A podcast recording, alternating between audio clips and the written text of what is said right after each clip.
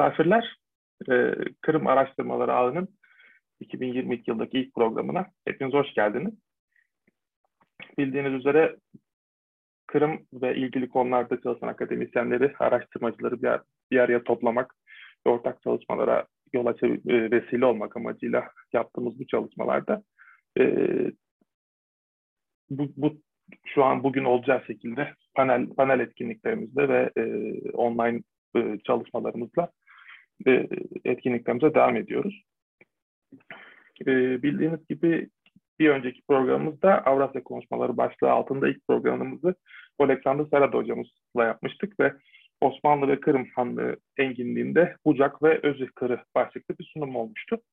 E, ikinci etkinliğimizde de bugün Doktor Filiz Tutku Aydın bizlerle olacak ve e, kendisinin en yakında basılmış olan e, Emigre Exile Diaspora and Transnational Movements of the Crimean Tatars Preserving the Eternal Flame of Crimea başlıklı kitabını bize anlatacak ve tabii ki bu kitapla ilişki olan araştırmasını ve çalışmalarını anlatacak.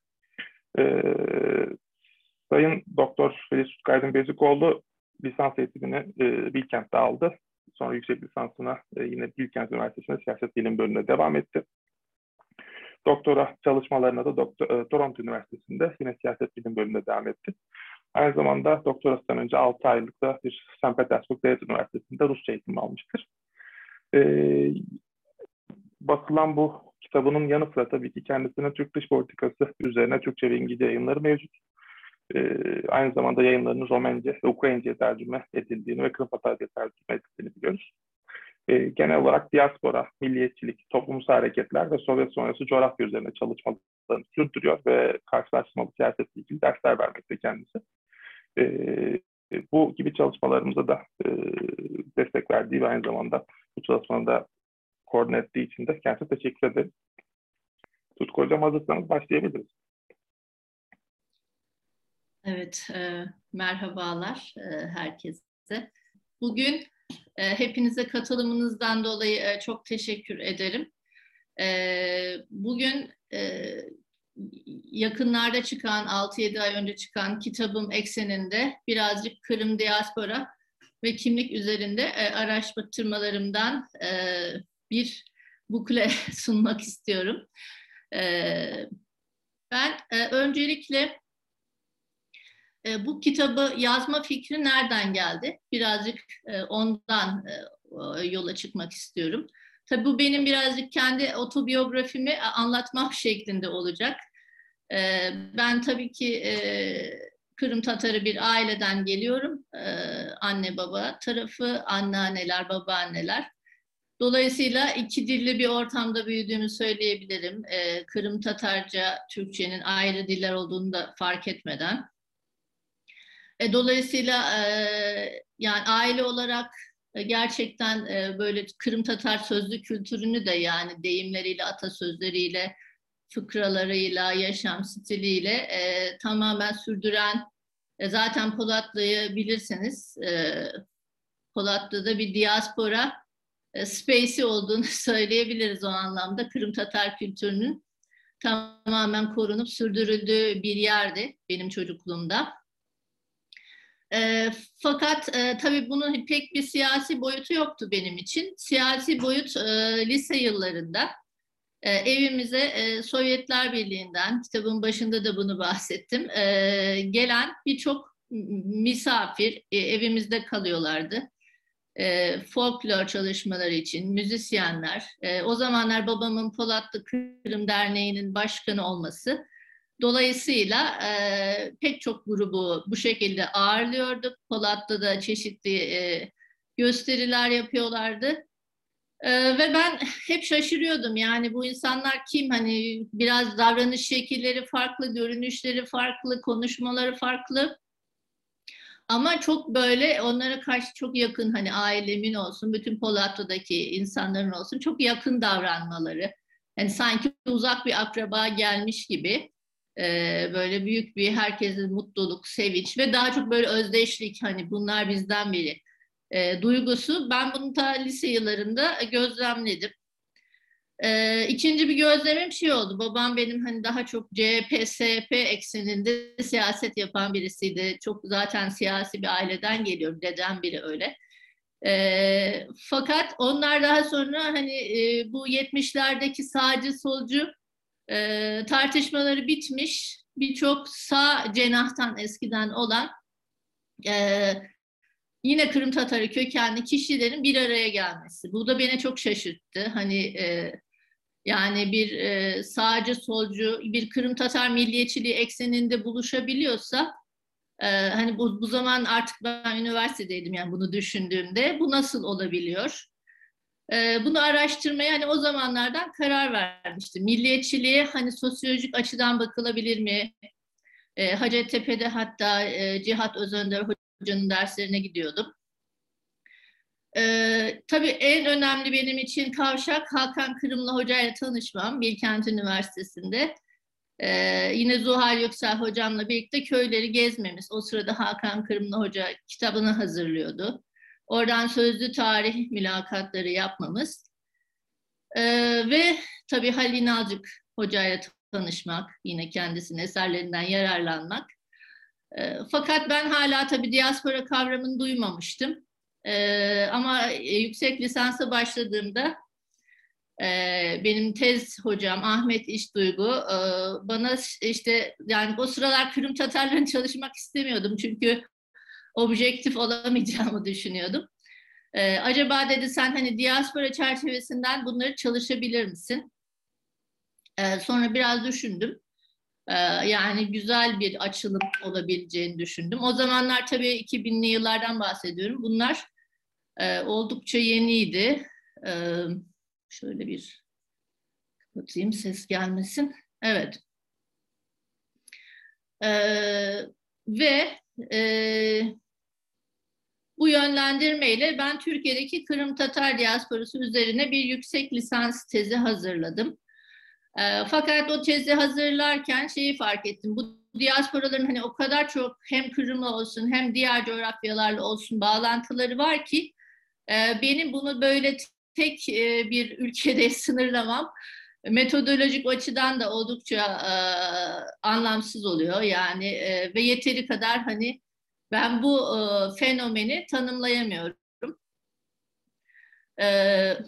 burada tabii ben bunu belki yurt dışında hani bütün diasporaları gezebileceğim, tanıyabileceğim bir fon araştırma fonuna belki ulaşabilirim diye yurt dışına başvurdum. Böyle bir çok iddialı bir projeyle başvurdum Toronto Üniversitesi'ne. Ve sağ olsun oradaki hocam kendisi de bir Odessalı e, bir Yahudi aileden geldiği için bana sanırım ilgi duydu. E, hem diaspora konusunda tabii Yahudi olması dolayısıyla hem de Odessalı olması dolayısıyla Kırım e, olayına çok ilgi duyduğu için e, kabul etti ve böyle bir e, araştırmaya başladık. Bundan evvelse tabii Rusçamı biraz geliştirmem gerekiyordu. St. Petersburg'a gittim. Orada da Kazan Tatar diasporasıyla tanıştım. E, bu da benim için hani bir açılım oldu. Gerçekten e, ya artık hayata hep diaspora gözünden bakmaya başladım e, diyebiliriz. Ee, bu kitabın temel fikri, temel amacı öyleyse yani ilk başta onu belki söyleyerek e, başlamak mümkün. E, Kırım Tatarlarının ulus ötesi diyebiliriz, ulus aşırı diyebiliriz. Çeşitli kelimeler kullanılıyor. Sınır aşan, sınır tanımayan, sınırları kesen e, bir millet olduğu ve nerede olursa olsun e, onların e, bir aslında bir bütünün parçaları olduğu. Yani aralarındaki Sınır ötesi ilişkiler tabii bu benim isteğim, arzum değil. Bu benim gözlemim olarak ortaya çıktı. E, aralarındaki ulus aşırı ilişkiler hani o kadar fazla ki e, siyasi ilişkiler olsun, sosyal, kültürel, ekonomik. E, ben bunların hani böyle bir kavramsallaştırmaya izin verdiğini düşünüyorum.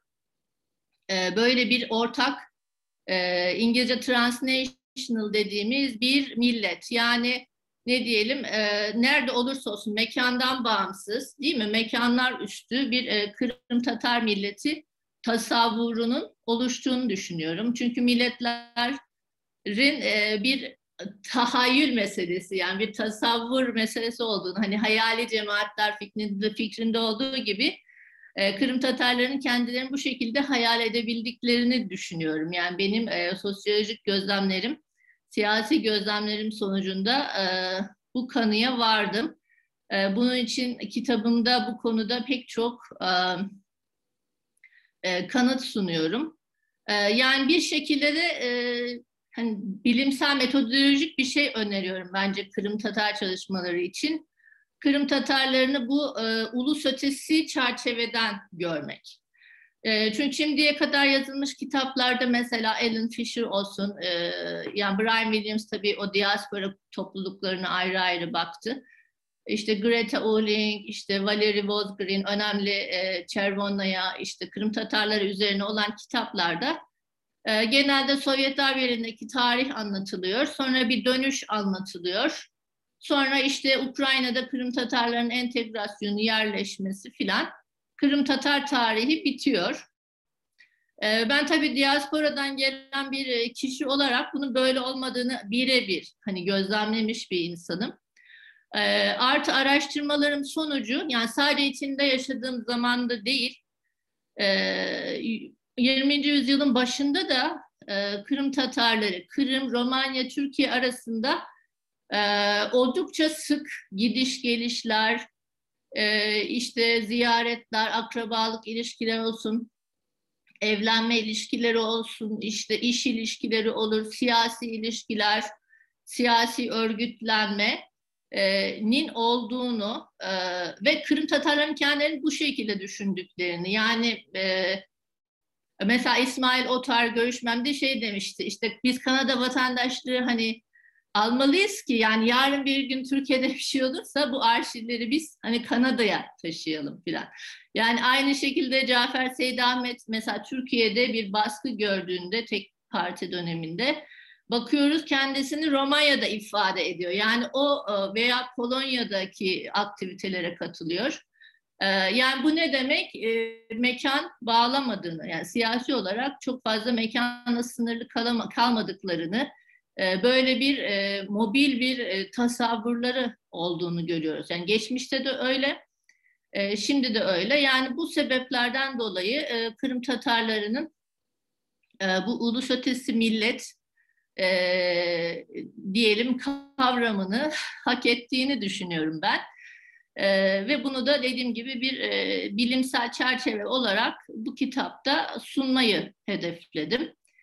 E, yani bir mesela birisi Kırım Tatar milli tarihini ya da işte etnisitesi hakkında bir kitap yazacaksa yani sadece Kırım'la e, sınırlı kalmasın, diasporaya da baksın. E, şu anda da artık bu çok çok önemli hale geldi. Çünkü e, meclisimiz e, artık bir nevi Ukrayna anakarasında bir e, diasporada. Artık yani Kırım Tatarları diyebiliriz ki e, 1783'ten beri e, sadece bir millet değil bir diasporik millet olduğu için o çerçeveden e, bakılması e, çok çok zorunlu.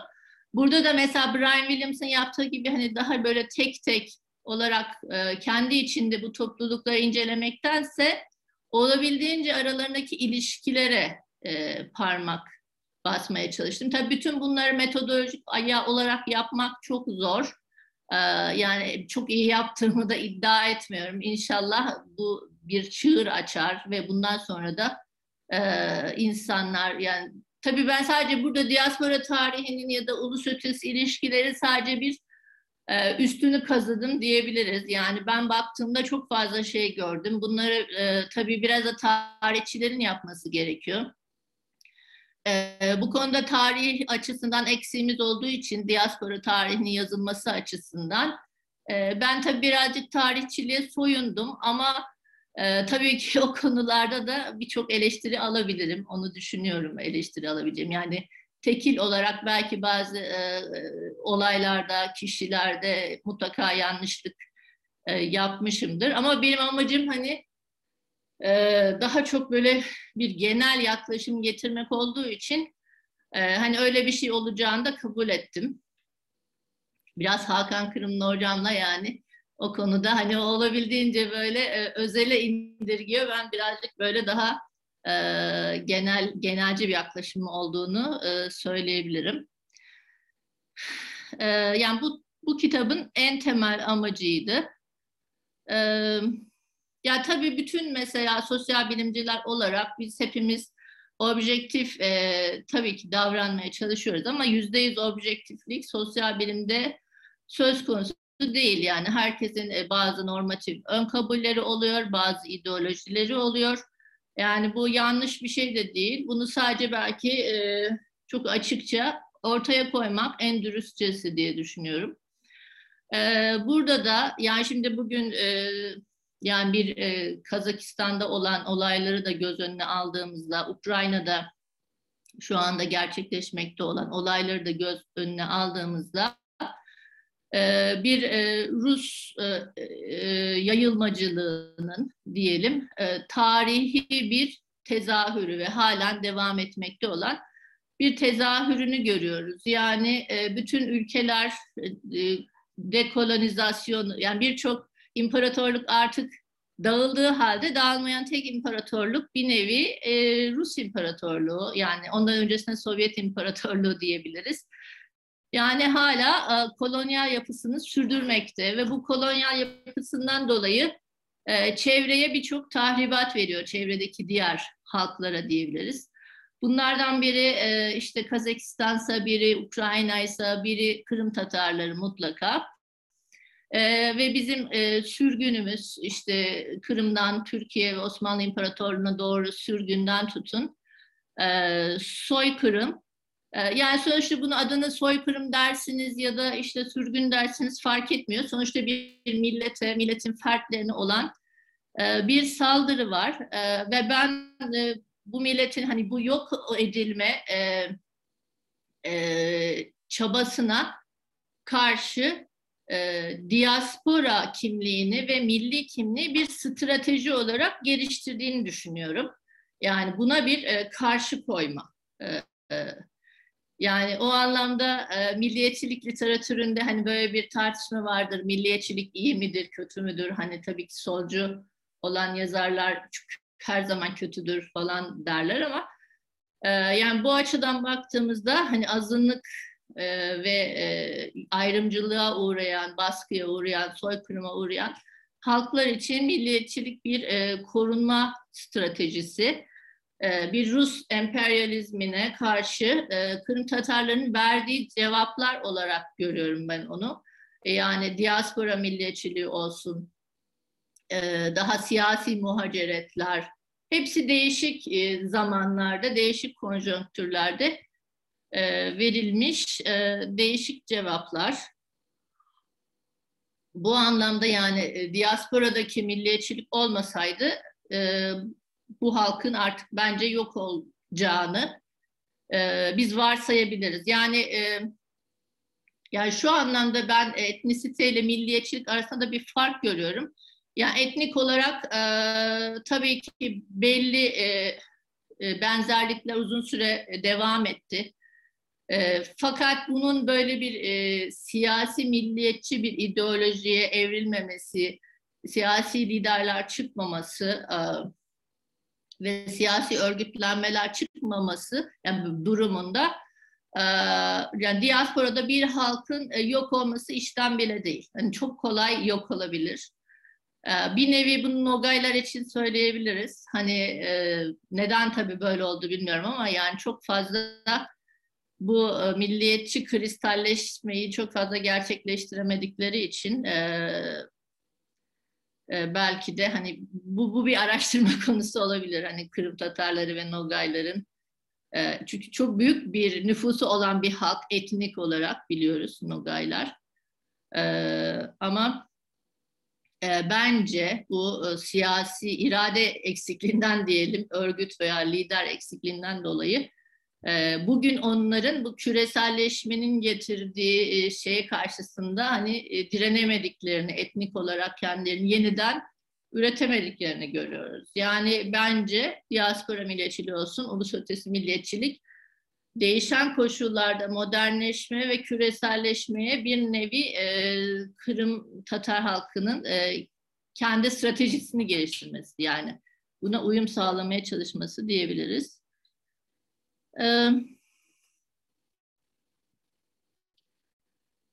E, ben burada e, yine çok enteresan olan bir şey tabii e, birçok halkın devleti var ve devlet vasıtasıyla kendi kimliklerini koruyorlar. Çünkü devletlerin çok aygıtı vardır. Televizyondan tutun, işte ekonomik olsun, kurumsal olsun. E, fakat Kırım Tatarları değil mi 1783'ten beri e, bir devlete sahip olmayıp e, kendileri çeşitli oluşturdukları kurumlarla işte parti olur, meclis olur, o da tanınmıyordu, işte dernek olur veyahut toplumsal, en önemlisi de toplumsal hareketler vasıtasıyla kendilerini var etmeleri.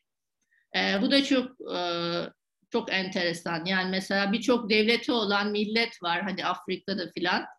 E, fakat onlarda bu birliği göremiyoruz değil mi? Ya bu birliği göremediğimiz için e, hala sömürüye uğruyorlar veyahut e, parçalanıyorlar etnik sivil savaş. E, yani bütün bunlara rağmen yani e, işte burada ben bu milliyetçi örgütlenmenin, seferberliğin, lider ve e, kurumların gücünün çok önemli olduğunu düşünüyorum. E, evet. Ee, belki söylenmesi gereken bir başka e, teorik şey de e, burada bir mekan ve kimlik ilişkisinin sorgulanması. E, yani çünkü ben bunu kişisel olarak egzistansiyelist anlamda da yaşıyorum. Çünkü ana vatanda doğmamış birisiyim.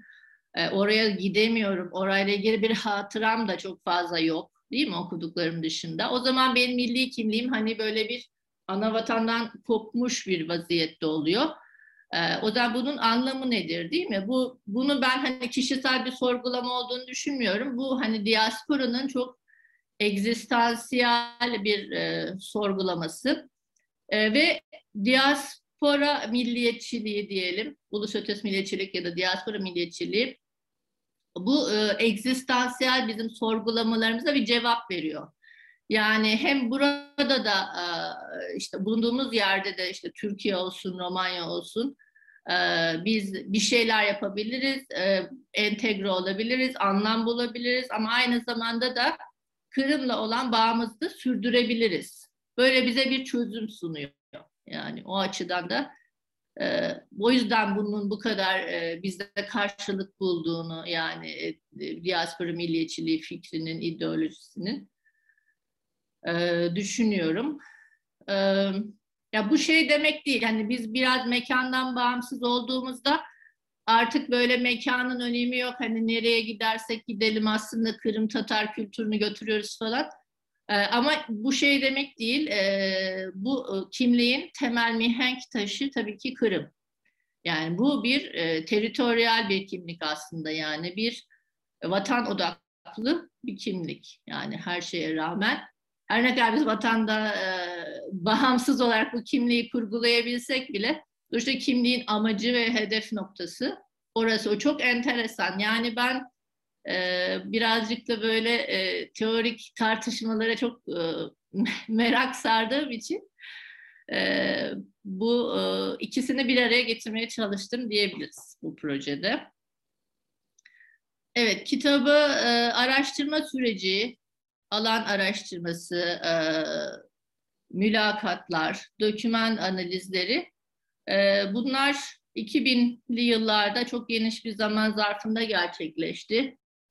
E, burada internetten tutun, internet o zaman daha yeni kullanılıyordu. E, benim e, yaptığım, e, Türkiye'de kaldığım sürece yani yaptığım bütün gözlemler e, bunun içerisine giriyor. Ama daha böyle odaklı olarak Kırım'a 2006 yılında iki ay kaldım ve her gün çok yoğun çalıştım. E, alan notları tuttum ve mülakatlar yaptım. Yani toplam kullandığım mülakat 40, 40 43 civarı. Ama e, çok daha fazlasını yaptım. Bunun dışında mülakatlar dışında sürekli katılımcı gözlemcilik vasıtasıyla e, konuştum yani pek çok kişiyle. Romanya iki kere gittim 2005-2006 yıllarında. Bütün bu hem Kırım hem Romanya'da hem Amerika'da tamamıyla Kırım Tatar ailelerle yaşadım. E, Romanya'da e, gidiş benim için e, Kökler dizisi gibi oldu, filmi gibi. Çünkü ben orada tabii ilk defa ailemi e, ve kuzenlerimi olsun, halalarım, teyzelerim onlarla yeni tanıştım. Ve onlar tabii beni davet ettiler. E, pek çok yerde kaldım.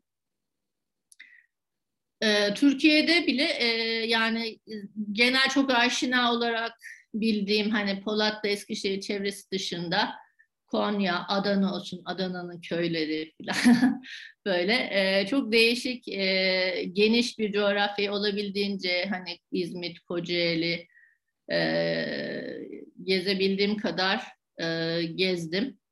E, ve buralarda hep e, daha çok Kırım Tatar dernekleri ekseninde ama daha çok e, onun dışında bütün işte konser ve onun gibi veyahut konferans, bu tür faaliyetlere, bütün düzenlenen faaliyetlere katılmak. Onun dışında daha böyle e, toplumsal düğün filan gibi e, faaliyetlere de katıldım. Yani olabildiğince böyle birazcık antropolojik bir bakış açısıyla e, bakmaya çalıştığımı söyleyebilirim. Mülakatları daha çok hayat hikayesi şeklinde e, yaptığım için e, yani çok e, yarı yarı e, yapılandırılmış mülakatlar oldular. E, birazcık böyle e, tamamen boş bir şeyle çalıştığım için yani daha evvel yapılmış çok fazla bu şekilde e, çalışma olmadığı için e, bunu tercih ettim diyebiliriz daha antropolojik çalışmayı. E, mülakatlar e, dışında tabii ki bir de e, belge analizleri. Yani burada arşivleri belli başlı arşivleri ziyaret ettim ama çok arşiv çalışması yapacak e, zamanım yoktu. Ayrıca e, yani zaten elimde olan hani Emel dergileri olsun, birçok diaspora dergileri, işte Kırım'da çıkan gazeteler. Yani bunların taranması bana e, ilk etapta hani bu araştırma için çok yeterli bilgiler verdi. Ama ileride tabii daha diasporanın derinlikli tarihsel araştırmaları için e, mutlaka arşiv araştırmaları gerekli. E, ben birazcık da kimlik, insanların kendilerini nasıl hani gördüklerini e, araştırdığım için daha çok hani sözlü tarih yaptım tarihsel anlamda e, diyebiliriz. E, burada belki e, birkaç ben değişik e, slaytlardan gösterebiliriz. E, pardon bu belgelere geliyor. Evet. E, mesela bugün açıp baktım. İyi ki bu alan notlarımı hani güzelce yazmışım. Şimdi tamamen unuttuğum şeyler ama e, o sırada 2006'da seçimler olacaktı e, ve Kırım Tatarları e, hangi bloğu destekliyordu unuttum bir bloğu destekliyordu ve bunun için seçim çalışmaları vardı. Orayı mesela ziyaretim. Orada e, Aluşta'da tabii bunlar şimdi çok eski günler gibi geliyor. E, gidi günler gibi. E, Aluşta'da toprak almak için e, protesto çadırları oradaki insanlarla e, e, mülakat yapardım. E, yine Ukrayna Çok Kültürlülük Komisyonu şiir gününe e, katılmışım. Burada Yunus Kandem'in şiirleri okunuyordu. Ee, Kırım Tatar yerleşkelerinin e, hepsine gittim Simferopol'de. Mesela bu Hoş Geldi'de Nevrez kutlamaları vardı. Hatta Remzi İlyasov o zaman bir konuşma yapmıştı. Ee, Kırım Tatar Üniversitesi dediğimiz KGPU, tabii diğer Tavreçeski Üniversitesi'ni de e, ziyaret ettim. Beni konferansa davet ettiler. Hocalarından çok yararlandım. Özellikle İsmail Kerimov Hoca, Sık sık onlarla mülakatlar hani seri şeklinde yaptım. Ee, sık sık toprak protestoları oluyordu. Yani yolda giderken falan nerede görürsem hemen gidip e, yani e, sosyolojik araştırma Ayşegül İsmail Hocam da bileceği gibi e, çok zevkli ama aynı zamanda e, çok da zor yönleri de var. Yani bazen hani ne yapıyorum ben diyorsunuz yani bu yaptığım acaba yararlı mı kullanabilir miyim filan. Ama alabildiğince e, çok geniş hani bir şey tutarak e, yani her şeyi tecrübe etmeye çalıştım. E, yapabildiğim kadarıyla tabii. E, o zamanlar Milli Hareket veteranları için yaşlı olan artık yaşlanmış olanlar için sık sık anma günleri düzenleniyordu. Bunların çoğuna katıldım. İşte gençlerin çeşitli cemiyetleri vardı. En çok bu kardeşlik cemiyeti toplantılarına iştirak ettim. Ee, mesela Rüstem Evin Eminov'un sergisine katıldım. Oraya işte bazı Ruslar geldi. işte sergideki resimler, tepkiler verdiler falan. Yani bu gerçekten benim böyle e, kullanabileceğim e, materyallerden biri oldu. E, mesela Yalta'da sürgün üzerine açılmış bir e, müzeye gittim. E, tabii orada Kırım Tatar müzeyi ziyaret ettiler. Böyle Stalin'in posterini görünce bazıları gerçekten histeri geçiriyormuş gibi oldu. E, yani bunları falan e, gözlemlemek gerçekten çok benim için birazcık ne diyeyim e, yani her ne kadar ben kendim Kırım Tatar olsam tabii Kırım'a gittiğimde Kırım'dan dönüş yapan Kırım Tatarlarını gözlemlediğimde orada bir yabancı oluyorum bir nevi. Yani diaspora çalışmasının özelliği de bu yani ben hani bir içeriden birisi her zaman değilim aslında. Hem içeridenim hem dışarıdanım daha doğrusu. E, o yüzden hani ben tabii ki sürgünü birinci elden yaşamış biri olmadığım için onu çok fazla empati yapmam mümkün değildi ama bu bu şekilde e, bence katılımcı gözlemcilik metoduyla çok empatimi arttırdığımı düşünüyorum. E, böyle birkaç tane resim. E, bu arada resimlerimi de düzenli şekilde tutmadığımı fark ettim bu sunuma hazırlanırken. Bakın burada yine Hey Gidi Günler, Ahtem Çiğgöz, burada İsmail Gasparalı'nın e, yapılan e, Bahçesaray girişinde Safire Kacametova e, bir tören İsmail Gasparalı'nın e, sanırım ölüm yıl dönümü. Dolayısıyla buna katılmışız. Yine e, Türkiye tarafından restore edilen İsmail Gasparalı'nın işte matbaası var biliyorsunuz. Yine orada da bir konferans düzenlenmiş. Burada yine e, Lenin Meydanı'ndaki işte çadırlar, çadırlarda bekleyenler, bu bahsettiğim e, Navrez, Navrez e, kutlamaları. Ee, yine örnek olarak bunları hep söylüyorum. Romanya'da da bu tür e, pek çok aktiviteye e, katıldım. E, Romanya'daki e, 20-30 tane yerleşkeye gittim denebilir. Zaten hepsi birbirine çok yakın olduğu için ee, bir de tabii ki Tatar Birliği'nin çok bana e, faydası oldu gerçekten. Ee, bu arada bu alan çalışmalarım sırasında TİKA olsun, Tatar Birliği olsun, e, bunlar gerçekten e, bana bir vasıta ve araç sağlayarak büyük yardım ettiler. Çeviri Tatar Birliği'ndeki tabii ayrıca kuzenlerim Romanya'daki benimle kütüphanelere geldiler, her tür şeyi çevirdiler. Evet Evet, burada tabii e, camilerden artık e, daha çok dernek binaları olsun, e, mezarlıklar, müzeler var burada daha çok görülüyor. Yani Romanya'daki e, aktiviteler daha folklorik ya da daha çok kültürel siyasete ait aktiviteler. E, ama yine de tabii Roman, e, Roman parlamentosundaki Tatar milletvekilleri, ee, onlar da çok sağ olsunlar. Necat Salih, Ahmet Alaaddin onlar da her zaman her konuda e, birçok mülakat yaptılar. E, birçok yere götürdüler. E, tabii burada ben hani Romenci ana dilim olmadığı için her ne kadar e, e, şeyde kullansam e, çevirmende tabii ki bu çalışmamın ben e, bazı sınırları olduğunu kabul ediyorum ama elimden geleni yaptım. Evet bunun dışında iki kere şeye gittim.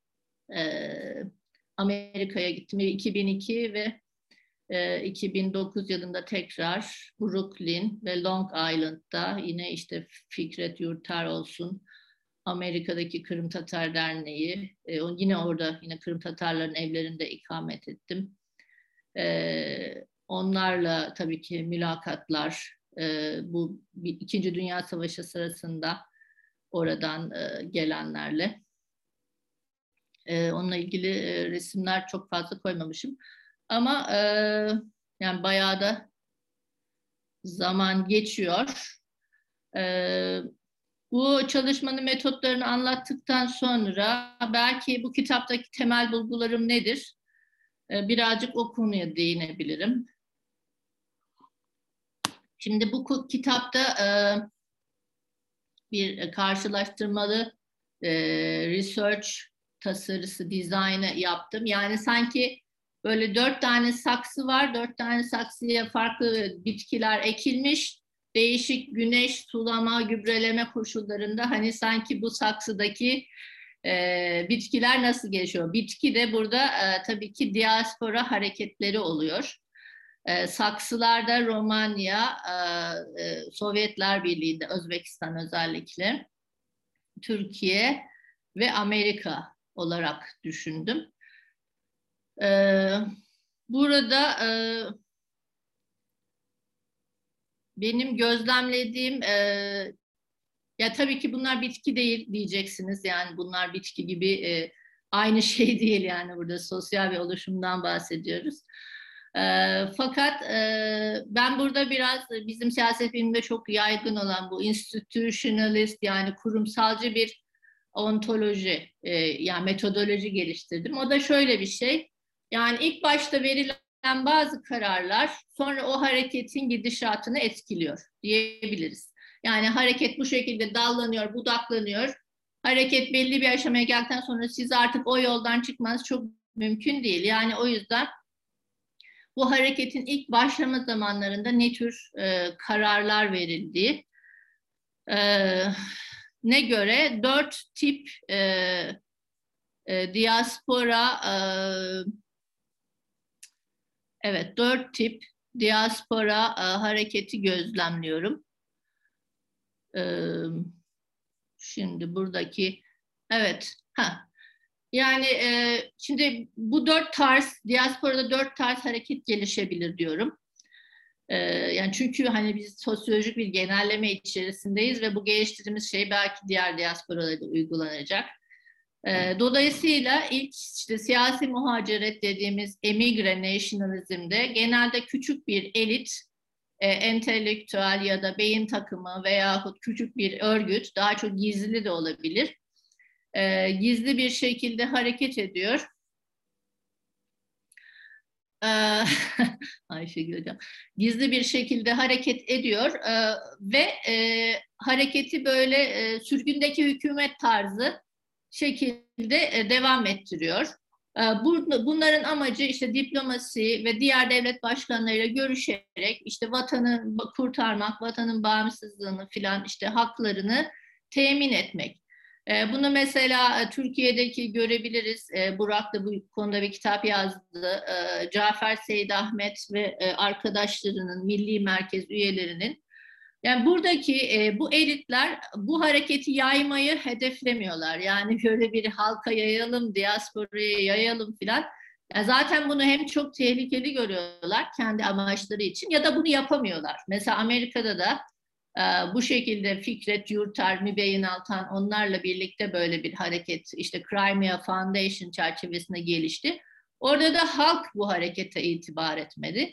E, sonuçta oradaki de bir elit hareketi olarak kaldı. Türkiye'deki de bir elit hareketi olarak kaldı. E, e, en önemlisi bu. E, yani burada birazcık e, yani bu tamamıyla e, bu elitin hem içinde bulundukları ülkeyle böyle ince bir e, ilişki, böyle dikkatli bir ilişki yürütmesi. Bu özellikle e, diasporalara birazcık şüpheyle bakıldığı zamanlarda çok işe yarayan bir taktik. Yani eskisi, eskiden şimdi daha böyle bir çok kültürlülük e, düşüncesi içindeyiz ama eskiden biliyorsunuz böyle şeyler e, çok e, devletler tarafından olumlu karşılanmıyordu. Ee, bunun dışında işte sürgün e, milliyetçiliği dediğimiz benim dediğim e, ikinci şey bu dönüş odaklı. Mesela e, sürgün sonrası Sovyetler Birliği'ndeki Kırım Tatar hareketi tamamen dönüşe odaklıydı. Ve bunlar tabii ki hareketlerini bütün halk tabanına yaymak istiyorlar.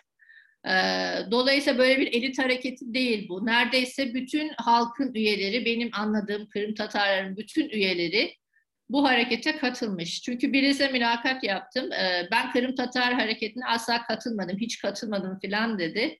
Yani ben de milli hareketçi değilim filan dedi. Ee, peki dedim yani bu inisiyatif gruplara girdiniz mi mahalledeki? Girdim dedi. İşte enformasyon letterları okudunuz mu e, mektupları?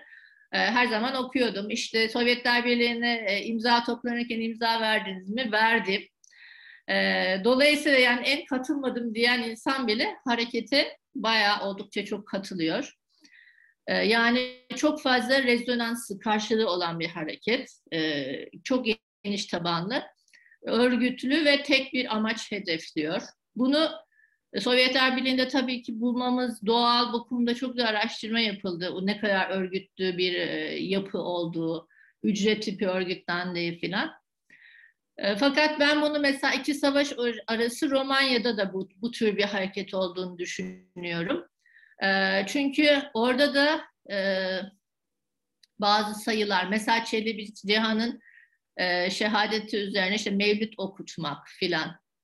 Bu bakıyoruz hemen hemen Romanya'nın her Kırım Tatar köyünde oluyor. İşte Kırım Tatar Kurultayı'nın kuruluş yıl dönümü. Yani bu 1930'lardan 40'lardan bahsediyorum. Her Kırım Tatar köyünde bu şey örgüt bu hareket düzenleniyor. Her Kırım Tatar gencinin bu Dobruca Türk Has Cemiyeti diyoruz. Oraya katıldığını, işte piyeslerde oynadığını, emeli okuduğunu. Yani e, çok gerçekten inanmayabileceğim derecede örgütlü bir toplum gördüm. E, ve e, Müstecip Ülküsal'ın da hedefi e, oradaki Romanya'daki Kırım Tatarların Türkiye'ye gitmekten vazgeçirip Kırım'a gitmek. Yani eğer bir yere gidilecekse Kırım'a gidilsin e, gibi. Yani tabii bunu ben hani Sovyetler Birliği'ndeki kadar güçlü olduğunu iddia edemeyeceğim. Çünkü sonuçta müstelik ülküsel bir e, e, yani eğitim düzeyi düşük ve köylü bir topluma hitap ediyordu. Yani milliyetçilik açısından eğitim de çok önemli. Belli bir modernleşme seviyesine ulaşmak da önemli. E, fakat yine de çok e, yani inanılmaz bir e, çaba ve başarı görüyorum. Ben belki İkinci Dünya Savaşı olmasaydı, Romanya komünist olmasaydı e, diye bir spekülasyon yapabilirim. Hani bu hareket daha da olgunlaşabilirdi aslında. E, evet, bu sürgü milliyetçiliği. Yani o da bir dönüş dönüş tabanlı hareket. Diaspora milliyetçiliği ise işte 1980 sonrası Türkiye ve diğer diasporalarda gelişen artık diasporalar biraz daha entegre oldukları için e, yani artık dönüş istemiyorlar. Yani dönüş diye bir şey fazla söz konusu değil diasporada diyebiliriz daha doğrusu. E, yani çünkü ben mesela Kırım'daki alan çalışmamda bana e, 2006 senesinde şey dediler sen niye dönmüyorsun filan Kırım'a madem bu kadar çok seviyorsun filan. E, çok bana absürt bir soru gibi geldi ama onların çok doğal bir şekilde sorduklarını gördüm. Yani sonra onların bakış açısından hani onlar Kırımlı ve dönüyorlar. Ben de tabii ki bir zamanlar sürgüne uğramışım. O zaman ben niye dönmüyorum? Ee, yani aslında mantıklı olduğunu anladım. Ee, bu soruyu ya ben de sordum. Yani neden Türkiye diasporası ya da Romanya'daki diaspora e, bunu şu anda düşünmüyor? Ee, işte bunun sebebi de e, bir e, bir e, entegrasyon geliştirmeleri. Yani ulus ötesi hareketlerde şöyle bir şey oluyor. Eğer bulunduğunuz yerde e, misafir edildiğiniz ülkede diyelim ya da misafir olarak bulunduğunuz ülkede çok fazla baskı görmüyorsanız o zaman milliyetçilik için e, çok fazla sebep kalmıyor diyeyim. Yani daha doğrusu biraz güçsüzleşiyor milliyetçiliğiniz o açıdan. E, çünkü ben hep milliyetçiliği şey olarak okuyorum. Yani modernist bir şekilde e, hayatımızın modern toplumun bazı bize yarattığı sorunlara karşı bizim bir çözüm yolumuz olarak hani okuyorum. E, o anlamda neden Türkiye'de diaspora milliyetçiliği böyle ne bileyim Sovyetler Birliği'ndeki gibi güçlü değil derseniz işte bunun sebebi e, bu olacak. E, dolayısıyla burada hani Türkiye'ye belli bir entegrasyon geliştirilmesi, Türkiye'den hani çok büyük bir dışlanma alınmaması Kırım Tatar e, toplumu açısından e, onlarda böyle bir dönüş isteğini zayıflatıyor. Aynı şekilde Romanya'da da e, yine Ahmet Alaaddin'le konuştuğumda hani o sıralar Avrupa Birliği'ne girmek üzere olan bir Romanya vardı. İşte pek çok işte bunlara haklar tanıyan hatta bütçeden ödenek ayıran yani o zaman Ahmet Alaaddin şey dedi bana yani Kırım'da belki hani dönersem ben daha çabuk asimile olurum. Çünkü orada hani Ruslara çok yakın bir yaş- yaşam ve temas var. E, zaten hani o zamanlarda Ukrayna e, o zamanlarda bu e, 2000'li yıllarda söylenen bir şeydi. Çünkü e, milletler arası evlilik çok artmıştı. Hani Orta Asya'da olmadığı kadar artmıştı Kırım'a gelince. Yani Ahmet Alaaddin bana şey dedi, ben belki Romanya'da daha iyi sürdürürüm yani kendi e, e, şeyimi, kimliğimi. Ee, yani diaspora milliyetçiliği bu şekilde dönüş odaklı olmayan iki taraflı hani iki arada bir derede diyeceğimiz bir ayağı orada bir ayağı ana vatanda e, varlığını sürdürmek. E, bir de bu e, diaspora milliyetçiliği daha geniş tabanlı siyasi muhacerete göre. Çünkü artık aktivistler sürekli bu hareketi yaymaya çalışıyorlar. Daha çok katılımcı kazanmaya ve çok çeşitli tarzlarda katılım olabiliyor. Yani mesela birisinin tek siyasi hareketi senede bir tepreşe gitmek olabilir. yani, yani değişik derecelerde. Öbürü de ne bileyim Fethi Kurti Şahin gibi ne bileyim sürekli dernekte bulunan birisidir. Yani bu değişik renklerde e, olabiliyor. Kimisi belki yazılarıyla çalışmalarıyla katılır. Ee, daha böyle fluid diyeceğimiz yani yeni hareketler biliyorsunuz bizim mesela Gezi hareketi de öyle. Daha böyle bir yani örgütlü katılım değil de yani isteğe bağlı. İşte bugün katılıyorsun, yarın katılmıyorsun, işte ertesi gün tekrar katılıyorsun tarzında bir, bir e, hareketlenme. E, ve zaten şeyden bahsettim. Ulus ötesi milliyetçilik ise belki burada tek ekleyebileceğim şey e, Dünya Kırım Tatar Kongresi'nden sonra artık sadece diaspora değil, e, ana vatanında biz e, dönüştüğünü görüyoruz. Yani onlar da şöyle demeye başladılar. Bizim büyük bir diasporamız var. Biz küçük bir millet değiliz. Yani Mustafa Cemiloğlu'nun her zamanki sözü biz 5 milyonuz. Yani 250 bin değiliz filan. Ee, yani 250 bin olarak bizi hesaplamayın. Bizi hesaplarınıza o şekilde katmayın. Ee, zaten o da, onun da vizyonu bu e, Dünya Kırım Tatar Kongresi'ni toplamak. E, ve bu şekilde e, son dönemde 2010'lardan itibaren Dünya Kırım Tatar Kongresi'ne itibaren bir de diaspora e, ve e, ana vatandaki Kırım Tatarlar arasında bir güç dengesinde değişiklik gözlemliyoruz. Önceden 80'li yıllarda, 90'lı yıllarda hani diaspora milliyetçi dediğim e, zamanda daha çok işte diaspora dönmek istemiyor. O zaman diasporanın görevi ana vatana hizmet etmek olmalıdır. Kararları ana vatan almalıdır. Diasporadakiler bunları takip etmelidir. Ellerinden ne gelirse yapmalıdır. Para olsun, maddi olsun, manevi olsun her türlü desteği vermelidir. Ee, gibi bir düşünce vardı. Ee, fakat daha sonra ulus ötesi milliyetçilik e, döneminde daha Dünya Kırım Tatar Kongresi toplandığında hani diasporada artık kararlara katılmalı. Yani bu bizim de ana vatanımız. O zaman bizim de hani biraz dediklerimiz kale alınsın. Ee, yani şöyle bir şey böyle işte e, kim daha çok acı çektiyse hani onun dedikleri daha önemlidir gibi değil de e, biraz da diasporanın da acıları dikkate alınsın. Yani mesela çünkü İkinci Dünya Savaşı'nda e, hani Naziler tarafından Kırım'dan sürüklenen mülteci kamplarında seneler geçirilen e, Kırım Tatarların hani durumların daha az travmatik olduğunu söylemek mümkün değil. Veyahut bizim atalarımız tabii e, ne koşullarda geldiler. Bu da bilmediğimiz için e, hesaba katılmıyor. Ama bu da hani birazcık daha diasporada böyle kendi travmalarının ya da kendi tecrübelerinin işte mesela Cafer Seydi Ahmet Kırmer'in de artık e, Kırım'daki milli e, liderler külliyatına iyice girmesi yani ya da yaptığı diasporik aktivitelerinde e, girmesi. Yani bir tür diaspora tanınmak istiyor diyebiliriz. E, bu dönemde de e, bu tarz bir e, değişiklik, değişme oldu. E, yani daha çok şey hazırlamıştım ama e, yani saatlerce konuşabileceğimi fark ediyorum.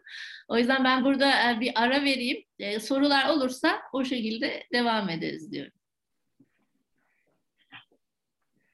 Tutku Hocam sunumumuz için çok teşekkür ederiz. Ee, öncelikle de bu kadar kapsamlı bir çalışmayı mümkün olduğunca sınırlı bir süre içerisinde çok e, değerli toplu bir şekilde ifade ettiği için teşekkür etmek isterim. modere etmeye çalıştım bu toplantı içerisinde. E, sanıyorum Ayşegül Hocam elini kaldırdı soru için. E, bu arada şey, Fiz Hocam bunu kullanır mısınız? Kapatalım mı sunumu? E, dursun belki burada hani sorulara göre göstereceğim bir slide olabilir. Hı-hı. Tamam. Buyurun hocam. Ayşegül Hocam. Ya ben e, çok teşekkür ederim. E, yani çok e, daha önceki dinlediklerimden çok farklı bir sunum oldu. Biraz açıkçası kendimle de benzerlik kurdum.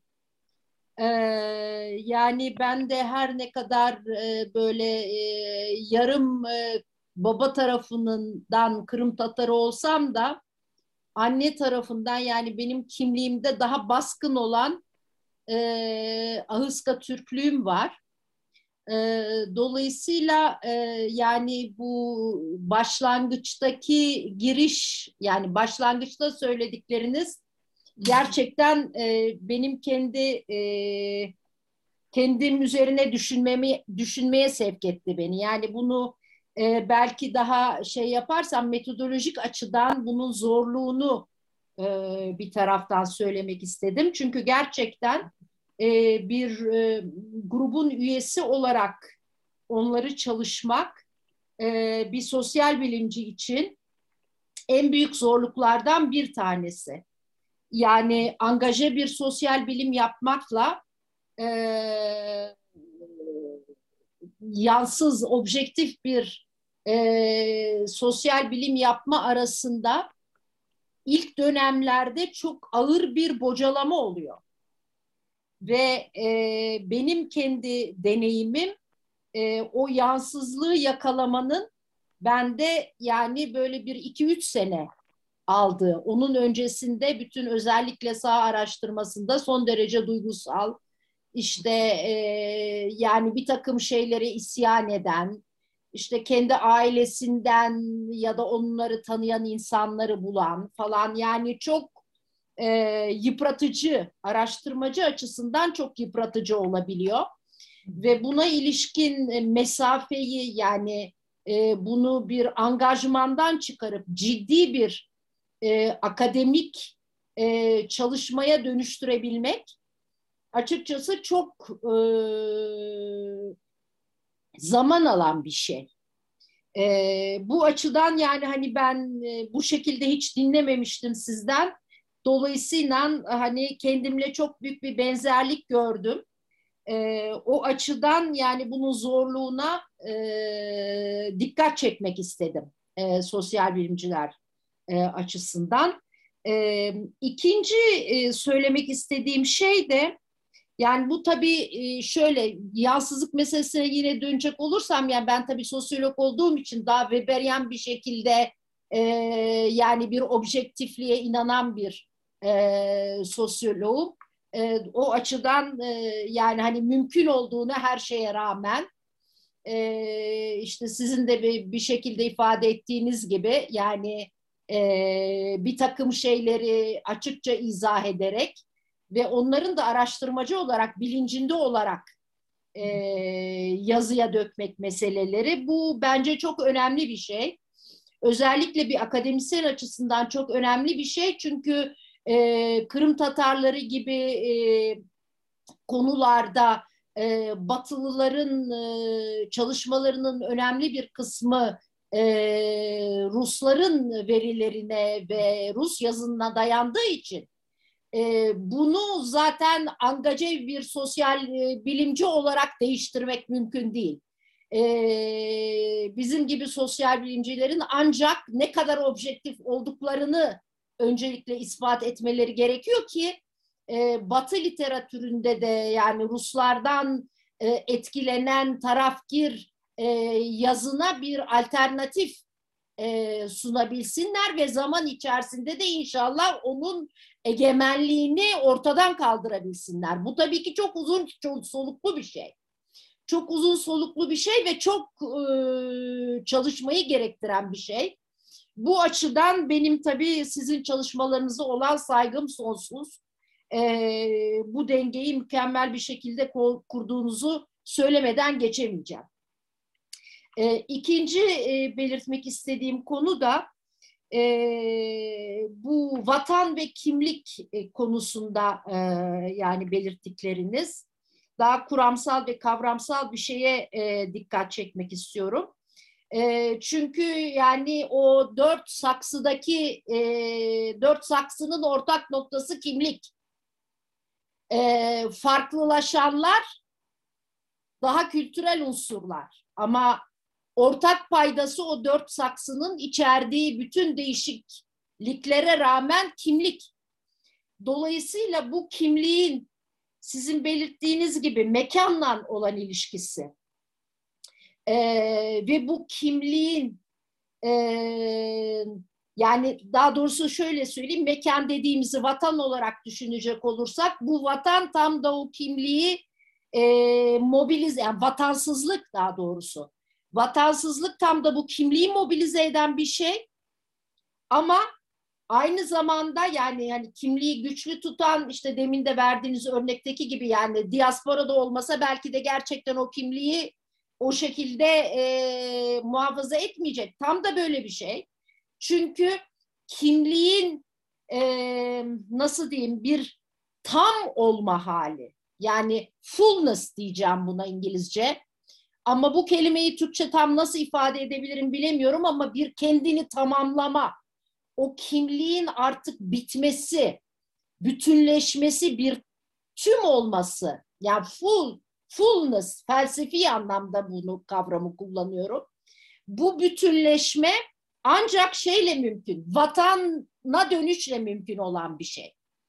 Dolayısıyla e, yani eksik olan bu diasporadaki o vatan e, yani kimlikte eksik olan o aslında. Dolayısıyla o, o dönüldüğünde o kimlik tam olacak, full olacak. Fakat bu fullness aynı zamanda onun yok olmasının başlangıcı. Çünkü artık onu vurgulamanıza gerek kalmıyor. Ee, ve biz bunu İsmail'le Kırım'da e, çalışmalarımızı yaparken çok dikkatimizi çekmişti. Yani nasıl bir e, döndükten sonra kimlik hususunda bir rehavete düşüldüğü, nasıl o eski mobilizasyonun artık kalmadığı, e, ya nasıl olsa geldik, artık vatandayız, dolayısıyla böyle bir bir şey korumaya artık gerek kalmadı ee, yani bu hani bizim benim çalıştığım diğer gruplarda da öyle.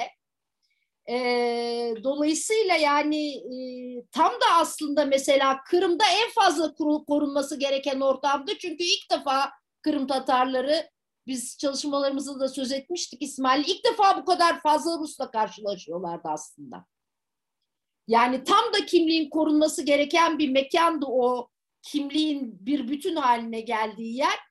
Fakat oradaki işte rehavet onu oradan artık öyle bir korumaya gerek e, duydurtmuyordu. Çünkü artık vatan bulunmuştu, kimlik tamamlanmıştı, o bütünleşme tamamlanmıştı. Dolayısıyla e, yani çok uzatmayacağım ama beni yani bu kadar uzun konuşmamın sebebi anlatılanların beni çok heyecanlandırmış olması. Ee, gerçekten gerçekten çok heyecanlandırdı. Ee, yani hep de üzerine düşündüğüm konular olduğu için Tabii yani son bir şey söyleyip susacağım. Ee, yani baskı, yani bulundukları dias, diasporada bulundukları yerlerde baskı görenlerin elbette ki geri dönüş konusunda daha irrasyonel davranabildiklerini söyleyebiliriz. Yani ama işte daha entegre bir şekilde bir yerde yaşıyorlarsa tabii ki o zaman geri dönüş kararı daha rasyonel bir karar e, olma durumuna dönüşüyor. Yani e, bir anlamda aslında diasporadaki kimlik e, diaspor nerede olduğuna bağlı olarak daha mobilize e, ya da daha bir survival strateji gibi olabiliyor.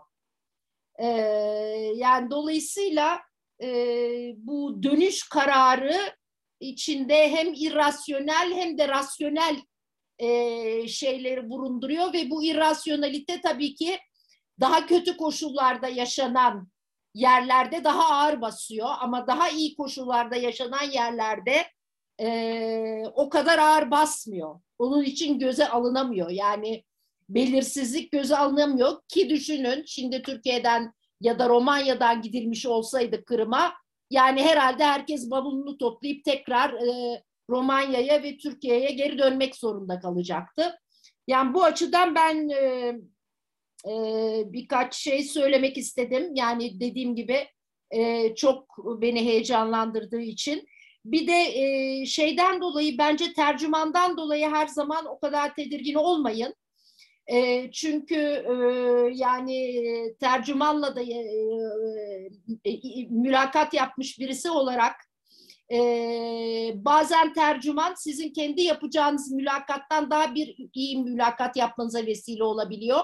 Kim olduğuna bağlı olarak. Yani o grubun e, bir parçası kişiyiz. Yani bunu da yine metodolojik açıdan söylüyorum. Yani çevirmen demek illaki çok olumsuz bir şey değil. E, bilakis, bilakis çok daha olumlu bir rol oynayabiliyor.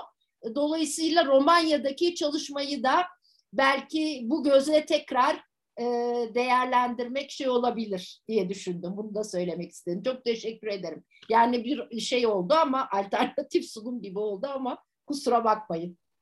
Ee, hocam gerçekten e, çok güzel noktalara e, parmak bastınız. Ben de e, biliyorsunuz bunu Türkçe'ye çevirmeyi hedefliyorum. Orada bu sizin e, yani no, söylediğiniz noktayı dikkate alacağım yani bu survival strateji. Hani şöyle de denebilir bana yani e, Romanya'dan ya da Türkiye'den Kırım'a gitmek hani rasyonel de değil. yani bu kimlik sebebiyle değil de hani rasyonel olmadığı için gitmediler derlerse yani öyle bir eleştiri gelirse sizin dediğiniz gibi hani bazı konularda daha rasyonel e, karar verme için bir e, boş space var yani bir alan var. Tabii. Ama kimse şey diyemez yani insanlar Özbekistan'dan Kırım'a rasyonel sebeplerle gittiler. yani o da e, çok mantıksız olur. O yüzden tabii ki yani bu insan yapısının parçası rasyonelite ve duygular, daha duygusal sebepler sürekli kafamızda herhalde bunları dengeliyoruz bence. Yani o şekilde insanlar karar veriyor. Ee, onun dışında e, o şeyde haklısınız. Yani vatana döndüğünüz zaman artık o evet o, o circle diye yuvarlağı tamamlamış oluyorsunuz. Evet, evet. Ee, bir nevi e, ama diasporada tabii sürekli böyle bir huzursuzluk içerisindesiniz. Yani bir egzistansiyel dediğim gibi evet. e, kriz içerisindesiniz. E, o çok doğru. E, ama şöyle de bir şey e, gördüm. E, mesela Mehmet Niyazi'nin şiirlerinde e, okudum. Mehmet Niyazi yani daha bu e, edebi kısma girememiştim. Daha zevkliydi de. E, vatana dönüyor iki kere. E, Romanya'dan gidiyor. Fakat bu sefer e, vatanın bir e, hani Rus hüküm, e, hakimiyeti altında olmasından dolayı bir türlü o tamamlanmayı yaşayamıyor. yani aslında birazcık e, belki hani Ukrayna'nın daha böyle toleranslı olması Kırım Tatarların o tamamlanmış duyguyu hissetmelerine sebebiyet verdi bilemiyorum. Bence ee, o onunla alakalı değil. Yani bizatihi toprağa dönmüş olmayla alakalı bir şey. Yani Ukraynalıları evet. ilgilen bir şey değil bence. Ha, evet. evet yani e, kendi, kendi e, kimlik dünyasında. Kimlik dünyasında, evet. Bunu da düşüneceğim. Ee, bir de belki şey e, şey çok ilginç geldi bana. Ee, diaspora derken iyi gö- iki görüş var. Diaspora demeyeyim de daha doğrusu sürgündeyken e, işte bir kısım e, milli hareketçi şey diyor. Yani hiçbir şey yapmayalım. Burada gazete, dergi falan çıkartmaya çalışmayalım. Kırım Tatarca olsun, Rusça olsun, Kırım kültüreli olsun hiçbir kitap falan yazmayalım. Çünkü bunları yaparsak entegre olmuş sayılırız. Bizi öyle görecekler. Bunlar bizi entegre etmek için bize gazete veriyorlar. Bize okul açıyorlar. Bunlara hiç biz şey yapmayalım diye bir görüş var. Diğer görüşte e, yani ne zaman döneceğimiz belli değil. Biz bu arada kimliğimizi korumaya devam edelim. Gazetedir artık bize ne verirlerse onları çıkaralım okuldur filan. Ee, ve orada bir nevi e, hani ikinci görüş kazandı diye düşünüyorum. Çünkü hani diasporanın ne kadar süreceği belli olmuyor ya da böyle bir e, işgal altında yaşamanın, baskı altında yaşamanın. O yüzden hani diasporanın önemli olduğunu düşünüyorum ben. Çünkü hani yarın bir gün Allah korusun Kırım'dan hani çok çok kötü bir şey olursa bile değil mi? Her zaman diasporada o kimliği korumak. Bunun e, yani mesela asimilasyon oldu diyelim Kırım'da tamamıyla. Yani diasporanın böyle bir e, imkan verdiğini düşünüyorum. Bu da hani sizin sorunuzla çok ilgili değil de Yo yo ilgili. Ee, yani kimlik e, kimlikte önemli bir hani o yönden bir imkan ve strateji olduğunu düşünüyorum. Evet. Başka sorusu olan varsa söz verebiliriz. Burak. Hı hı. Buyur. Evet. Merhabalar hocam. Teşekkürler sunum için. Ee, ben de Ayşegül Hoca'nın e, verdiği örneğe e, bir ek yapmak istiyorum. 2011'de ee, e, Kırım'dayken e, bir veteran diye hani Kırım Kırım Tatarları veteran diye adlandırıyor eski Milli Hareket mensuplarını. E, bir tanesine misafir olmuştum. Orada e, kendisiyle sohbet ederken şöyle bir konuşma geçmişti aramızda. Hani biliyorsunuz orada Mustafa Aga ve onun grubu uzun zamandır e, kurultayı e, ve meclisi idare etmekte. Kendisinin böyle şöyle bir yakınması olmuştu. Hani biz e, Özbekistan'dayken hani ben ve benim arkadaşlarım ön plandaydık. E, daha sonrasında e, daha sonrasında Kırım'a döndüğümüzde yani amacımız buydu. Hani Kırım'a döndük ve tamam e, böyle boşluğa düştük. Herkes mal, yaşam derdine düştü, ev derdine düştü, barınma derdine düştü. O sırada e, kurultaylar icra edildi ve Mustafa o zaman çok popülerdi ve e, çevresinde ciddi bir grup vardı ve kazandılar. Ondan beridir de yürütüyorlar. Belki biz hata yaptık. E, gelir gelmez yaşam derdine düştük. Hani milli hareketi e, böyle bir kendimizce bıraktık diye bir ifadede bulunmuştu. Bir de hocam az önce sizin verdiğiniz bir örnek örneğe e, değinmek istiyorum. Hani siz demiştiniz hani birisiyle görüşmüşsünüz ve orada e, kişi demiş ki hani insan hakları e, pardon e, milli harekete dahil misiniz? Hayır ama işte şu, e, inisiyatif grubundayım, şunu yapıyorum, bunu yapıyorum da, e, vesaire. Acaba e, bizim düşündüğümüz şekilde milli hareketi onlar farklı mı algılıyorlar? Yani e, kavramsal olarak farklı bir bakış açıları mı var? Çünkü yani siz yetişme olarak Türkiye'de yetişmişsiniz. Milli hareket deyince kafanızda farklı bir şey var. Biz hani Cafer Seyit Ahmet Kırımer sayesinde farklı bir birikimden geliyoruz. Hani kopmamış bir birikimden geliyoruz. Oysa onlar hani Stalin döneminde ciddi bir aydın kıyımı yaşadılar. Belli bir yani kendilerini önderlik edecek ya da bir e, entelektüel aydın grubu e, kişileri yoktu. E, o yüzden hani milli hareket deyince acaba çekindiler mi yoksa acaba e, farklı mı algılıyorlardı? Ben hani birinci sorum bu. İkinci sorum da hocam e, aynı şekilde e, bu e, kadro meselesine değinmek istiyorum. Mesela Cabbar Seyit Ahmet Kırımer 20-30 döneminde yani Türkiye'ye geldiği zaman e, e, daha çok Azerbaycanlılarla çalışmak e, durumunda kaldı. Onların mecmualarında yazdı. E, herhalde düşünüyorum ki yani 20-30'da Azerbaycan'dan daha çok daha çok sayıda entelektüel geldi. Daha organize ediler ve yani Cafer Seyit Ahmet Kırımer herhalde hem Kırım'dan gelenler bakımından zayıf kaldı hem de hem de e, Türkiye'deki e, diaspora her yani o dönemde hem yeni göçüyor, yeni göçüyordu. Gene aynı şekilde e, yaşam derdine düşmüş bir gruptan bahsediyoruz. E, Dobruca'da da sürekli göç veren bir yer var ama daha da daha oturmuş, e, daha varlıklı e, Romanya okullarında okuyup da mesela Müsteşfil Ülküsal bir avukat, yine e, askerlik yapanlar var yani subay olanlar var varlıklı kesim de var. Yani bir sanırım aradığı birikimi orada bulduğu için oraya yerleşti diye düşünüyorum. Yoksa e, 20-30'daki o Türkiye'de bulunduğu süreçteki o e, Kırım Milli Hareketi açısından e, sessiz kalan süreci ben bilmiyorum tam açıklayamıyorum. Siz bu konuda ne düşünüyorsunuz? Ben bunları sormak istedim. 70'lerde e, mi sessizlik dedin? 20-30 arası. Ha, 20-30 arası. Ee, şimdi e, sondan başlarsak 20-30 arasında e, ya sessizliği işte emigre, milliyetçiliği kavramıyla açıklıyorum. Zaten onlar e, çok fazla Kırım Tatar kitleleri yani gidersin Cafer Seyit Ahmet Eskişehir'de elini çarpsa Tatar olur herhalde değil mi? 20'li 30'lu yıllarda Polatlı'ya gitse elini çarpsa Tatar'a çarpar. Evet ama işte kalifiye eleman arayışı mı diye düşünebiliriz bunu. Hani siz orada e, sınıflandırmıştınız milliyetçiliği evet. hani seviyelerini. Evet. Orada hani e, kapalı çünkü ihtiyaçları farklı. Evet halk var. E, yani dediğiniz gibi Polatlı, Eskişehir evet gel, gelse burada çok var ama onlarla ne yapacak? Çünkü öncesinde burada okurken de Tatar Cemiyeti Ayriyesi vardı. Hı hı. Kendi anılarında yazıyor. Görüştük.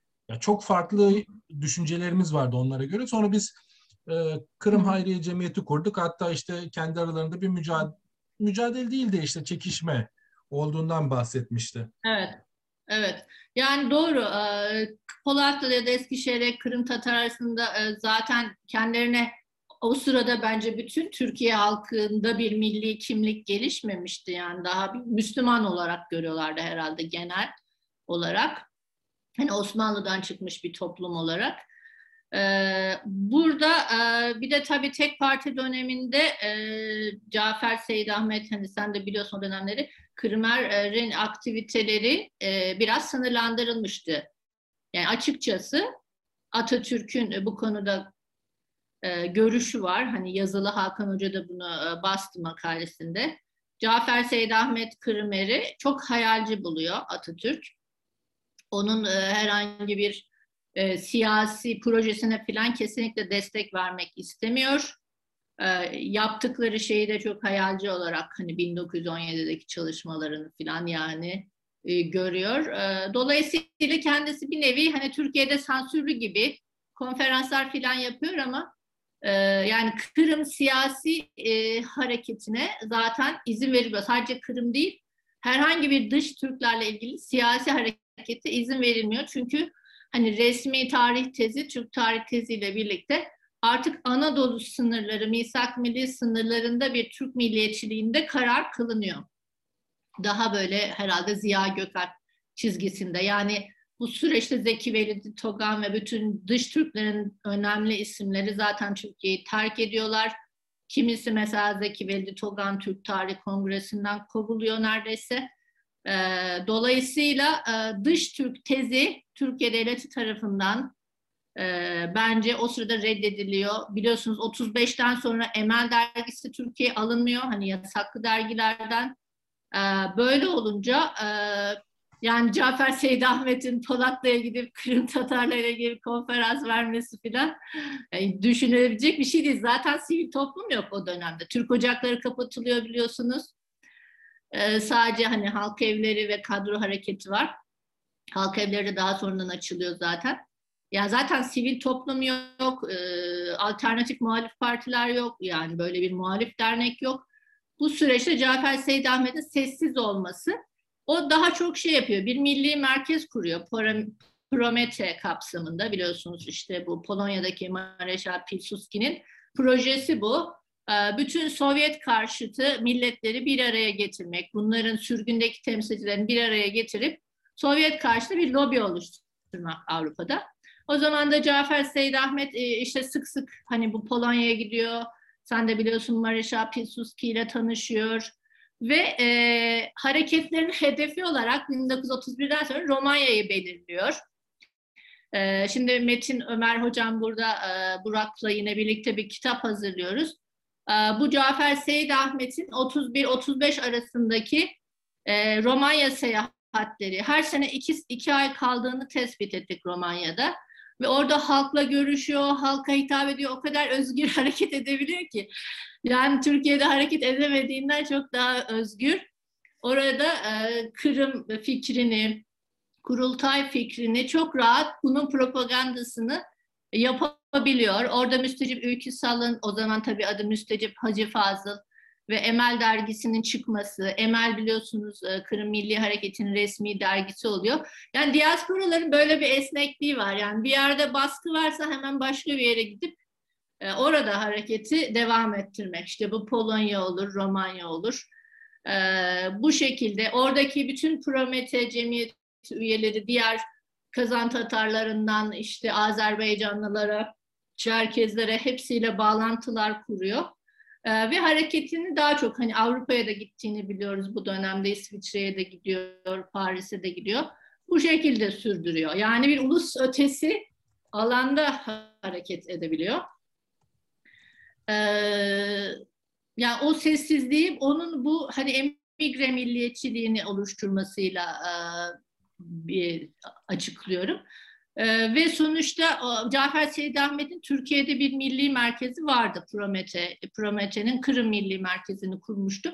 Fakat e, Kırım'dan gelen sadece bir ya da iki üyesi var Kırım doğumlu sanırım.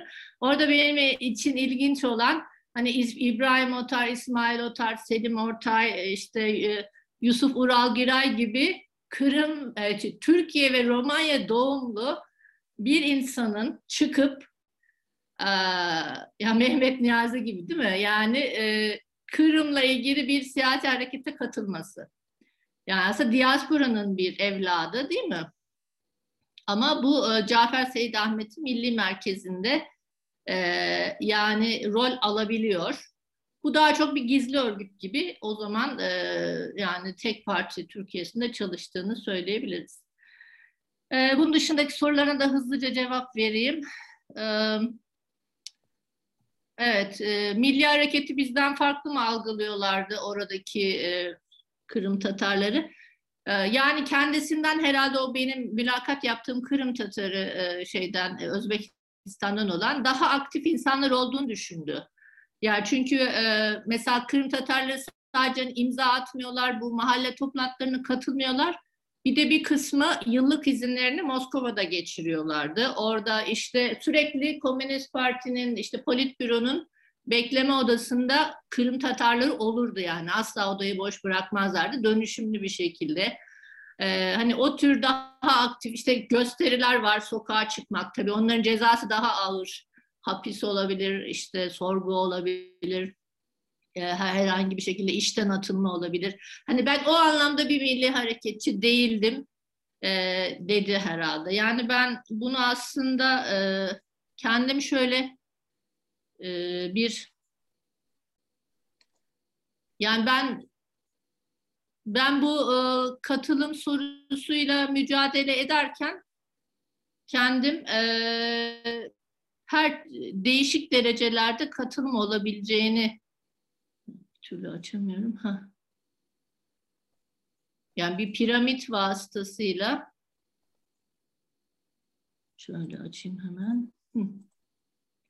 Yani bu bütün diasporaları uyguluyorum bunu. Ee, bu üstte elit e, oluyor. Bunlar birçok şeyi yapıyorlar ve hayatları e, bu hareketi, kariyer, kariyerleri bu hareketten ibaret. Yani Mustafa Cemiloğlu'na bakarsınız fabrikada bir işçi değil mi?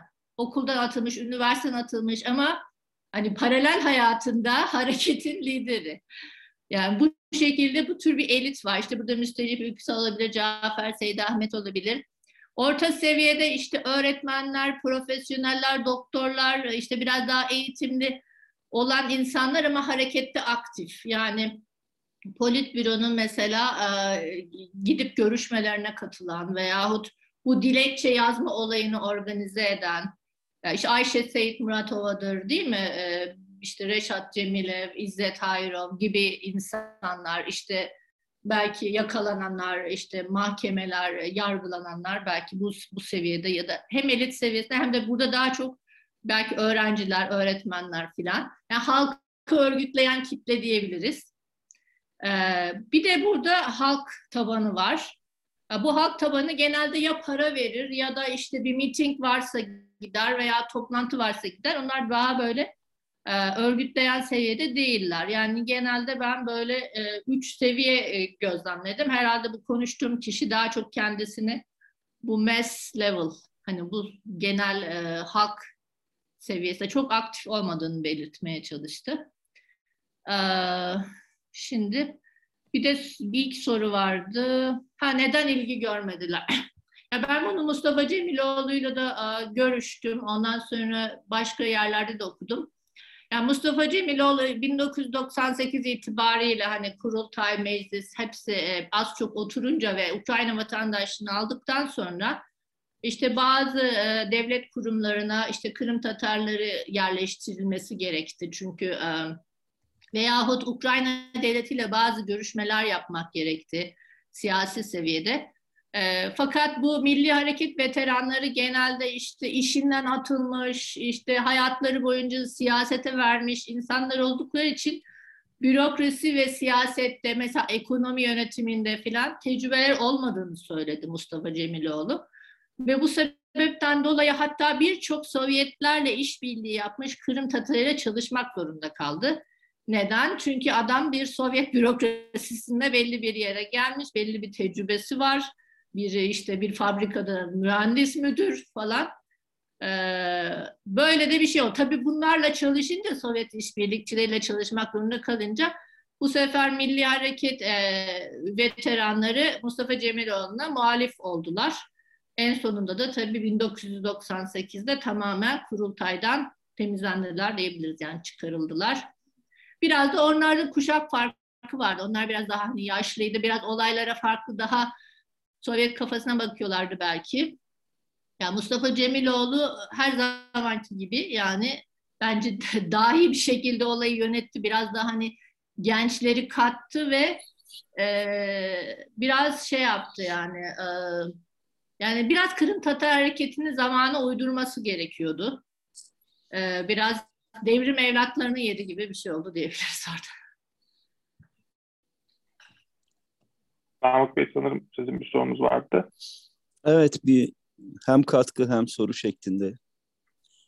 Buyurun. Ee, tabii e, hem Filiz hocamın hem e, Burak'ın vermiş olduğu örneklerden e, hareketle gitmek lazım belki bu konuya başlarken. Ee, işte e, birisi demiş ki ben Milli Hareket'e fazla katılmadım, Milli Hareketçi değilim ama şunları yaptım. İşte Burak'ın örneğinde e, diyor ki işte bir süre sonra biz hayat gailesine daldık Kırım'a döndükten sonra ve Milli Hareket ya da e, Milli Hareket'in siyasi kadrolarında yer almamaya başladık e, ve e, neticede Mustafa ve çevresindeki arkadaşları bunu götürdü.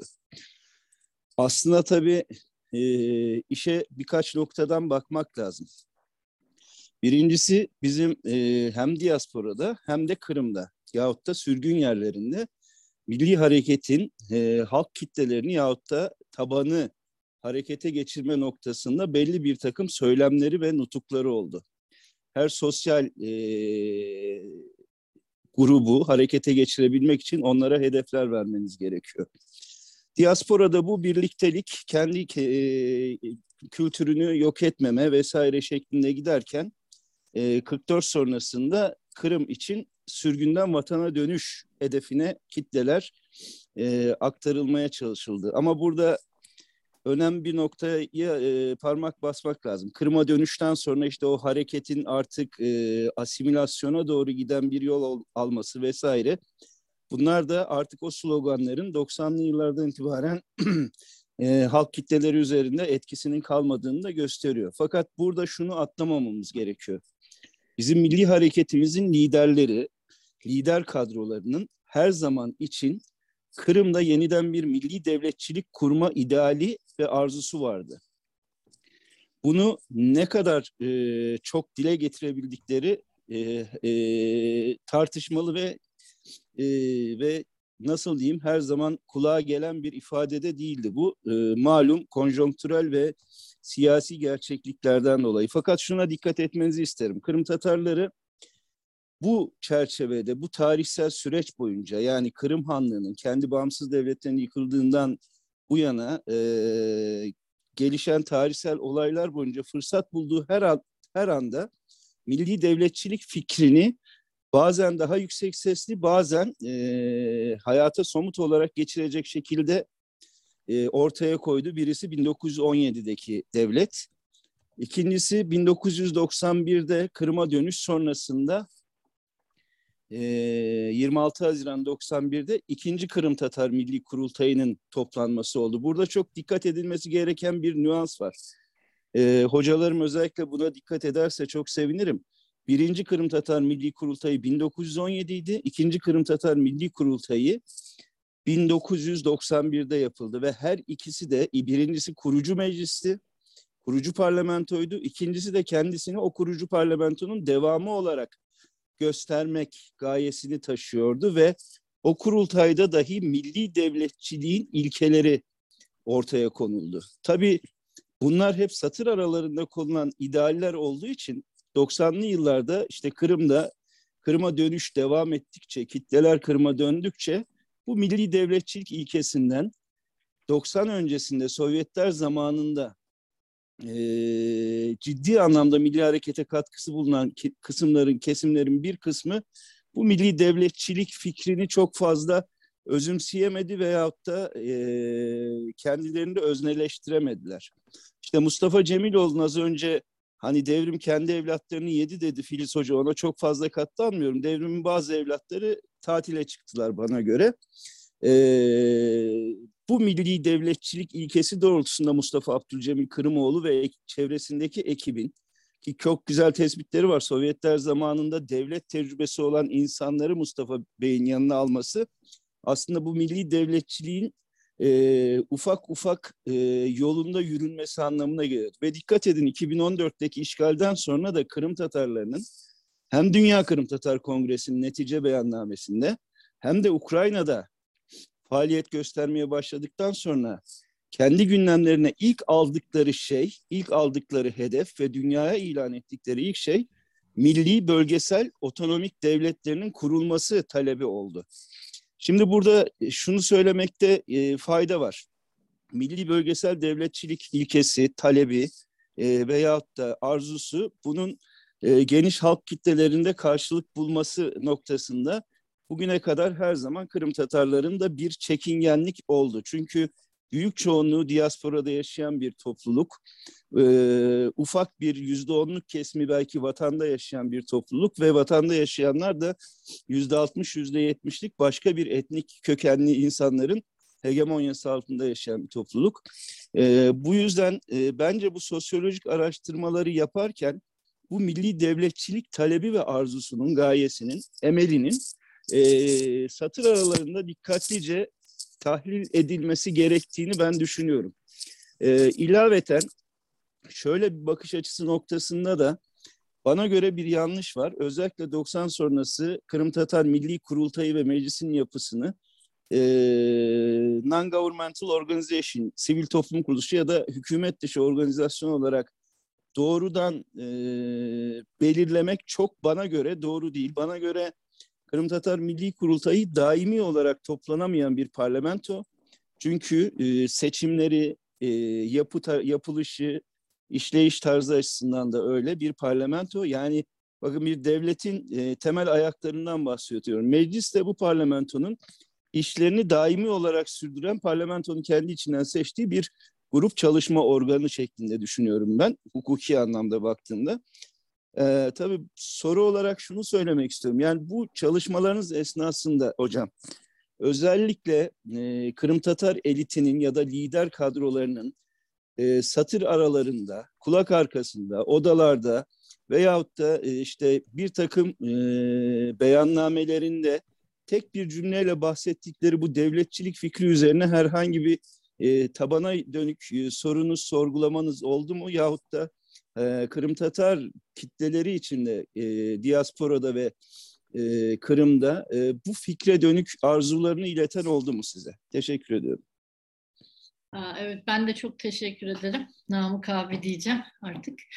Ee, şimdi e, bu elitin e, şöyle devletçilik fikri e, bu e, ben tabii e, gösterme fırsatım olmadı ama hani Kırım Tatar samizdatları e, olsun, e, oradaki sözlü tarih mülakatlarımda e, bu hareketin amacı neydi toplumsal hareketin diye sordum. E, ve e, tabii ki birinci amaç vatana dönüş, ikinci amaç da devletimizi, devletçiliğimizi tiklemek. E, devletçilikten kasıt da e, Lenin'in e, Kırım kurduğu Kırım Tatar Özerk Sovyet Kırım Tatar değil, Cumhuriyet'in adı e, Kırım Sovyet Sosyalist Cumhuriyeti. Ama biz biliyoruz ki bu bir Kırım Tatar Özerk devletiydi. Tüm bürokratik kadroları, yönetimi yüzde elliden fazla Kırım Tatarları işgal etmekteydi. Ama Kırım Tatarların o zaman bile nüfusu yüzde yirmi beşti. Yani e, bu durum tabii Sovyetler Birliği'nde çok normal. E, azınlık olan bir millet, işte Karaçay Çerkes Cumhuriyeti mesela işte ya da herhangi efendim Kalmuk Cumhuriyeti'nde Kalmuklar azınlıktaysa bile e, o cumhuriyetin, özel cumhuriyetin adını verenler oldukları için e, daha çok temsil edilirler. Yani bu e, Sovyet federal yapısının bir parçası. Yani bu ortadan kaldırılan bu hakkımızı geri almak. E, söylem bu şekildeydi. Hani çünkü o zaman şöyle bir vizyon yok tabii Sovyetler Birliği yıkılacak. E, tabii ki öyle bir durum olsa yani onu söylemek çünkü çok e, saçma olur. O yüzden sadece şey diyorlar hani Sovyetler Birliği içinde e, bu eskiden e, sahip olduğumuz devletimizin, devletçilik dedikleri bu özel devletin e, kurulması. E, burada elit kadrosunda e, bir e, şey oluyor, tartışma oluyor. E, Timur e, Dağcı başkalarından etkilenerek ya bunu ayrıntılarını yazdım şimdi tam aklıma gelmedi ama Komünist Parti'ye bir mektup ya da bir başvuruda bulunuyor. E, biz biz ilk başta esas amacımız dönmek. Şu anda devletimizi istemiyoruz. Hani şöyle bir tartışma oluyor. İlk başta devletimizi istemezsek, ilk başta dönüşe hani stratejik bir karar ağırlık verirsek daha iyi olur. Hani o zaman belki daha çok kabul edilmesi uygun bir teklifle gitmiş oluruz e, diye lider kadrolar arasında bir e, şey oluyor, tartışma. E, fakat bunu o, o zamanlar tabii en e, 1950'lerin sonu 60'ların başında Cebbar Akimov e, en etkili insan milli harekette. Ee, o, o, o şey diyor, hayır diyor, bu, bunu kesinlikle kabul edemeyiz. Ee, kimse kim dedi sana biz devlet istemiyoruz? Devletimizi de istiyoruz. Hem dönmek hem devletimizi. İkisini birlikte istiyoruz ve bu iki talebi asla ayırmayacağız dediler ve ondan sonraki e, hareket belgelerine baktığımda da bu şekilde her zaman döndürülmek ve ondan sonra da tekrar devletimizin tiklenmesi yani yeniden kurulması şeklinde devam ediyor ve en sonunda aynı e, Namık Bey'in de dediği gibi e, kurultay sürecine bu taşıyor. Yani Kırım'a geldikten sonra ya biz ne yapacağız filan diye şaşırmıyor Kırım Tatarları. Çünkü zaten hani ikinci aşamada devleti tekrar e, kurmak için e, çalışmaları gidiyorlar. Tabii bu süreçte Sovyetler Birliği dağılıyor, işte Ukrayna bağımsızlığını ilan ediyor e, filan. E, onlar e, bu ikinci kurultayın devamı olarak bu sefer hani Kırım Tatar işte o zamanki ahali cumhuriyetini yeniden Kırım Tatar Cumhuriyeti olarak ilan ediyorlar. E, ve Kırım'da e, hiçbir zaman Rusların herhangi bir bağımsızlık, ayrılıkçılık hareketi olmayan Ruslar bunu gördükleri an Kırım'ın işte Ukrayna'dan ayrılması filan gibi işte referandumlar düzenlemek e, hareketlere girişmeye başlıyor. Yani Kırım'daki herhangi bir Rus ayrılıkçı hareketin tek amacı aslında e, Kırım Tatarları onları ateşledi diyebiliriz, fitilledi.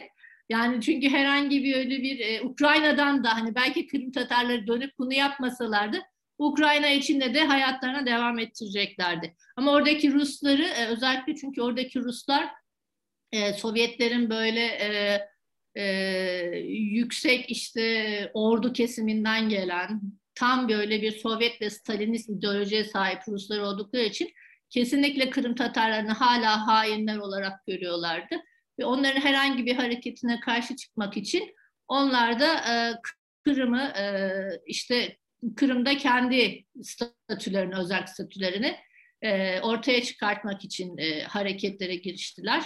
Ve bütün bunlar biliyorsunuz hani bir 95'te yükseldi falan. 1998'de Ukrayna ile Kırım'daki Ruslar anlaştılar. Ukrayna işte Kırım'daki Ruslara belli bir özel statü verdi e, idari bir özellik bu. Hani gerçek bir federalizm değil. O şekilde anlaştılar.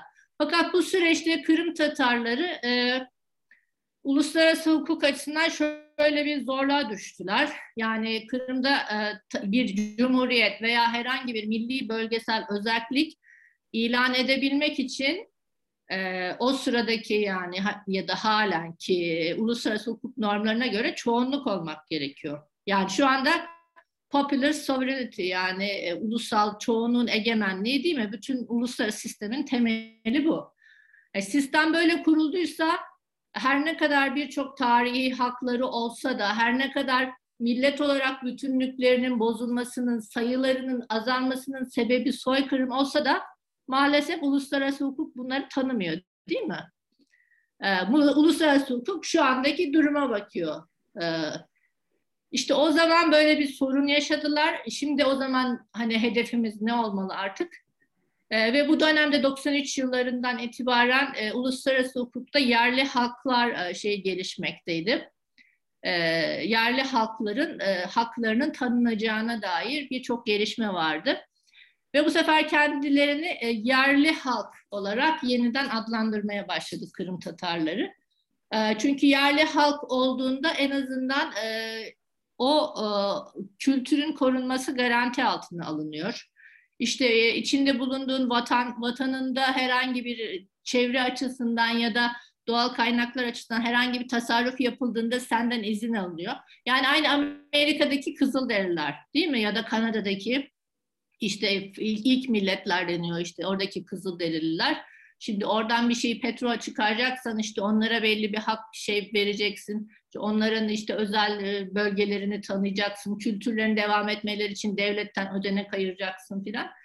Ee, ve e, bu şekilde e, ve onları da egemen millet. Yani şu anda mesela Kanada'da üç tane milletin egemenliği tanınıyor.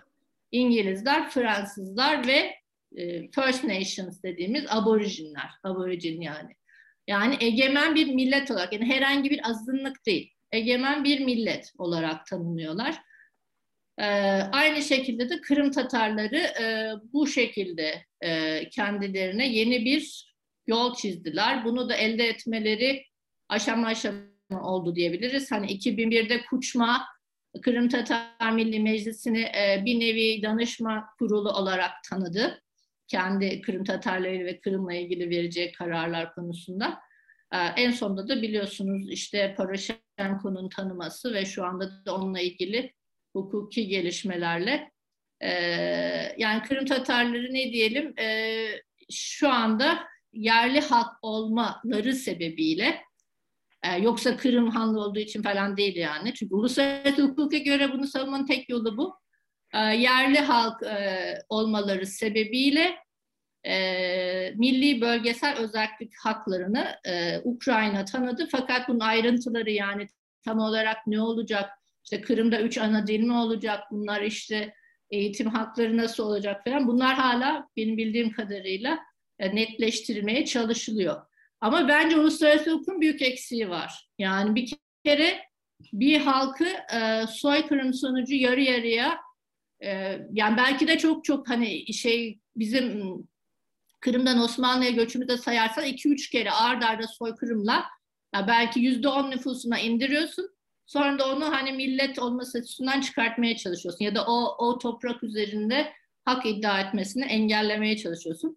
Şimdi maalesef e, uluslararası hukuk e, bu soykırımdan dolayı doğan haklar bence Hani bu bu yazılması gereken ve tanınması gereken çok büyük bir eksiklik. Evet, sanırım soruya güzel bir tek bu, bu şekilde e, cevap verebilirim. Diğerleri de soru değil, görüşlerine katılıyorum Namık abinin okunda. Başka bir soru yoksa ben son olarak bir soru soracağım. Arkasından da e, cevabınızla da size toparlamak isterseniz hocam eklemek istedikleriniz varsa o şekilde bitirebiliriz. Ee, ben belki de ilk baştaki o Ayşegül Hocam'la karşılıklı o bir kavramsal e, tartışma, konuşma, fikirleşme diyeyim. O kısma da bir referans vererek. Şimdi bu 2014'te olan işgal ve sonrasındaki hukuk yasa dışı ilhak neticesinde e, bu vatanla olan ilişki bütün diasporada ve Kırım'da başlı başına e, sarsıldı aslında bu açıdan bakıldığında hani bu normalde bütün hani o bahsettiğiniz hani dört farklı saksının da bütün ilişkileri yeniden şekillenmeye başladı Kırım'la. Ve aynı zamanda hatta Kırım'ın içerisinde siyasi olarak bu bütün söylemleri yönlendirecek güce sahip olan hani seçilmiş bazı kurumların başındaki insanlar da şu an Kırım'ın dışına çıktılar ve tekrardan bir diaspora gibi e, bir pozisyona düştüler. Hatta bu bazı eleştirel e, Kırım içerisinden de bazen şu an e, öyle eleştiriler gelebiliyor. Bazı böyle tartışmalar olabiliyor da bu farklı seviyelerde, farklı platformlarda. Siz yani şu an baktığınızda gelişmeleri nasıl değerlendiriyorsunuz? Yani bu diasporada, diasporalarda diasporaların parçalarını, yani bu diasporanın bütün olarak verdiği reaksiyonları ve hatta son dönemdeki gelişmeleri nasıl değerlendiriyorsunuz? Ee, ve hani bu tekrardan vatanla olan ilişki, yani çünkü teknik olarak şu an e, evet teorik olarak gitmek mümkün ya da orada bulunmak, orada zaman geçirmek mümkün bir şekilde. Ama bu çok yeri geliyor, tehlikeli olabiliyor bir aktivist için. Veyahut da sadece oraya gitmek isteyen bir insan için çok masraflı. Yani bu zaman, e, efor ve para Hı. olarak söylüyorum. Çok masraflı ve yorucu bir şeye dönüşüyor ve bir şekilde de aslında bu ilişkiler aşınıyor ister istemez zamanla. Yani Sovyetler, yani Sovyet, Soğuk Savaş dönemindeki gibi bir mesafeler uzak uzamaya, büyümeye başladı. Yani siz şu dönemi nasıl değerlendiriyorsunuz o açıdan baktığınızda ve eski kurulmuş bu söylemlerin, e, oluşmuş şeyleri nasıl dönüştüğünü gözlemliyorsunuz belki şu son dönemde? Teşekkür ederim. Evet, e, ben tabii e, benim tezim 2014 itibariyle 2012 itibariyle aslında bitiyor. Yani çok alan araştırması derin yapmadım bu konuda. Ama yani böyle gözlemlediğim, takip ettiğim kadarıyla ee, yani daha doğrusu birazcık kendi araştırmama bakarak, bulgularıma ve geçmişte yaşananlara bakarak e, söyleyebileceğimiz e, yani iyi tarafı e, bizim diaspora tecrübemiz var. Şu anda meclis Ukrayna anakarasında bir nevi diasporada dersek bunun nasıl olacağını gibi sorunlar çıkaracağı bunların hepsini biliyoruz diyebiliriz ve e, bu diasporaya aslında büyük bir ağırlık kazandırdı ikincisi. Çünkü artık meclis ve Mustafa Cemilev, Rifat Çubarov e, hepsi e, diasporadalar. Yani diaspora siyasi bir yönden e, liderlerle dolu. E, işte Dünya Kırım Tatar Kongresi olsun, tabii Kırım Kırım Türkleri Yardımlaşma Merkezi eskisinden çok çok daha güçlü durumda. Dolayısıyla şu anda biraz siyasi liderlik ağırlığı ilk defa daha çok ilk defa demeyelim de belki hani Sovyet döneminde de yine önemli liderler vardı Özbekistan'da. Tekrar diasporaya geçmiş durumda. Üçüncü olarak yani bu diasporanın önemini arttırdı. Siyasi olarak önemini arttırdı. Bunu söyleyebiliriz. Üçüncü olarak yani şöyle bir e, ne diyelim e, çıkmaz yaşıyoruz. E, bir taraftan Kırım hiçbir e, siyasi, ekonomik açıdan tanınmayan bir bölge, yalıtılmış olan bir bölge. E, dolayısıyla biz onlarla e, herhangi bir e, ekonomik, siyasi, sosyal yani e, olarak e, ilişkiye girdiğimizde ya da Kırım'da bazı şeylerin gelişmesine katkıda bulunduğumuzda e, otomatikman Rusya rejimin desteklemiş gibi bir duruma düşüyoruz. Yani Rusya'nın oradaki çalışmalarını e, yani çünkü hedef hani en kısa zamanda e, Kırım'ın gerçekten e, siyasi, sosyal, ekonomik yalıt yalıtılma e, durumundan dolayı e, iflas etmesi oradaki yönetimin değil mi? Hedef hedeflenen bu. E, ve bir an önce e, tekrar Ukrayna'ya geri dönmesi. Oradaki tabii bizim vatandaşlarımız da bunları anlayışla karşılıyorlar. E, fakat e, bir taraftan da e, eğer işgal uzun sürerse Kırım'ın işgali o zaman e, aynı e, Sovyet diasporasındaki olay gibi yani orada biz bir şey yapalım mı gazete çıkaralım mı orada bir herhangi bir kültürü devam ettirmek için bir şey yapalım mı yoksa bekleyelim mi değil mi? Yani burada yaptığımız her şey entegrasyona ve yani bu sırada Kırım Tatarlarını işte e, oradaki bizim bütün acaba desteğimiz onların Rusya içerisindeki entegrasyonunu mu arttıracak değil mi? Böyle bir çıkmazdayız. Burada ben şöyle bir çıkış yolu görüyorum. Bizim resmi olmayan bir şekilde asla Kırım'ı resmi olarak ilhakını tanımayarak yasa dışı ilhakını oradaki Kırım Tatarlarıyla olan ilişkimizi azami bir seviyede arttırmak. Kişisel, sosyal, kültürel alanda ve onların orada hem kimliklerine, kültürlerine olan bağlılıklarını devam ettirmek. Çünkü eğer onlar hani yeni gelen kuşaklardan bahsediyorum, şimdiki belki söz konusu değil de Ruslaşma eğilimine girilirse veyahut yani ee, yani çok ileri kuşaklardan bahsetmiyorum. Sadece ortaokulda, lisede şimdi onlar tamamıyla Rus bakış açısından bir tarih okuyorlar değil mi? O 3-4 sene içinde belki bunun etkileri ortaya çıkacak. Yani bunları e, geri çevirmek için bizim onları e, yani tamam Kırım'ı siyasi olarak yalıtalım ama onları yalıtmamamız gerekiyor. Yani onu, onu nasıl yapacağız tabii çok ince bir şey. Ee, ya eski tecrübelerimizden o yani Kırım'da bir kültürün sürmesi çok önemli. Artı oradan herhangi bir Kırım Tatarı'nın ayrılmaması çok önemli. O yüzden ben kitabımı zaten orada kalmayı seçen her şeye rağmen e, Kırım Tatarlarına adadım. Yani diasporada olan biri olarak bence yani onların yaptığı çok önemli, değerli bir şey. Yani orada e, kalmayı tercih etmeleri bütün baskılara, yasaklara rağmen. E, yani bizi yeni e, ne diyeyim hmm, challenge diye bir kelime var. Yeni meydan okumalar bekliyor. O yüzden bizim yeni, daha yaratıcı, daha yaratıcı, her zaman daha yaratıcı fikirler ve hareket yolları bulmamız gerekiyor. Ben e, geçmişimize bakarak bulacağımızı düşünüyorum.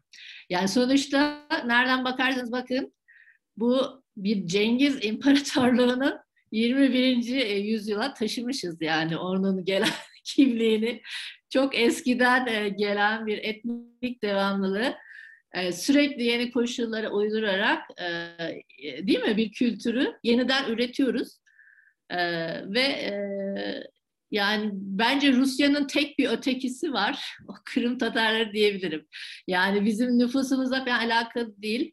Ama çok böyle yaratıcı yaratıcı çözümler bulunduğunu düşünüyorum. Yani ben bunu kendim için demiyorum tabii ki ben gözlemlediğim e, bütün aktivistler, e, Namık Kemal Bayar e, dahil, bütün dernek üyeleri, yani diğer diasporalarla karşılaştırdığımda Türkiye'deki veya dünyadaki yeni ve yaratıcı çözümlerle gelineceğini düşünüyorum ben.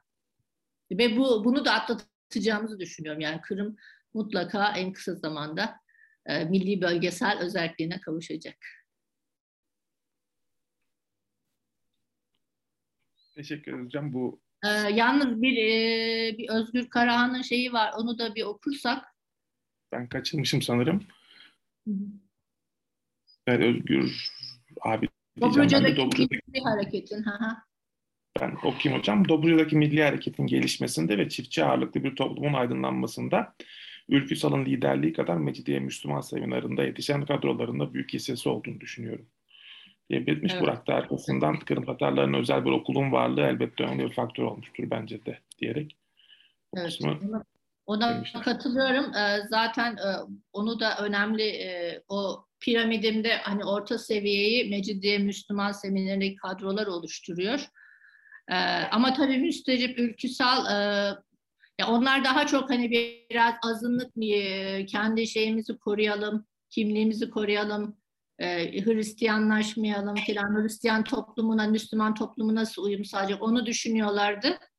E, ama müstecip ülküsal e, bütün bunları Kırım'a bağlamasıyla çok çok enteresan ve yaratıcı bir insan yani onu e, diyebilirim. Ama tabii ki büyük ona destek verdi. Yani ön, önder niteliği olan birisi. O da tabii Hepsi Mehmet Niyazi'nin e, bu fikri. Keşke şiirlerini okuyabilseydim. Ama e, bence diasporanın e, en büyük teorisini diyebilirim Mehmet Niyazi. Ve Cengiz Dağcı tabii ikisi. Onlara evet. selam vererek belki ben bitireyim. Çok teşekkürler hocam. e, hem bu iyi dilekleriniz ve belki de e, bütün e, bu katılımcılara bir e, okuma listesi de önermiş oldunuz aslında bunun sonrasında. E, umarım bu çalışmalar devam edecek. İleride de sizde farklı etkinliklerle, farklı sunumlarla da devam ederiz. E, bütün katılımcılara bu toplantımızın sonunda burada oldukları için ve bizi e, dinleyip bu, dak e, bu dakikaya kadar sabırla dinleyip burada oldukları için teşekkür ederiz. E, çalışmalarımız, bu tarz etkinliklerimiz, akademik toplantılarımız devam edecek. Umarım yakın zamanda da e, şu an planımız aylık olarak devam etmek ancak gündeme bağlı olarak ilgili konularla alakalı e, konuşmacılar, iletişimde olduğumuz akademisyenlerin de e, vakitlerine bağlı olarak bu çalışmalarımıza size sizleri görmekten mutluluk duyarız. E, tekrardan toplantımızın sonunda size teşekkür ediyorum. İyi akşamlar, sağlıkla kalın.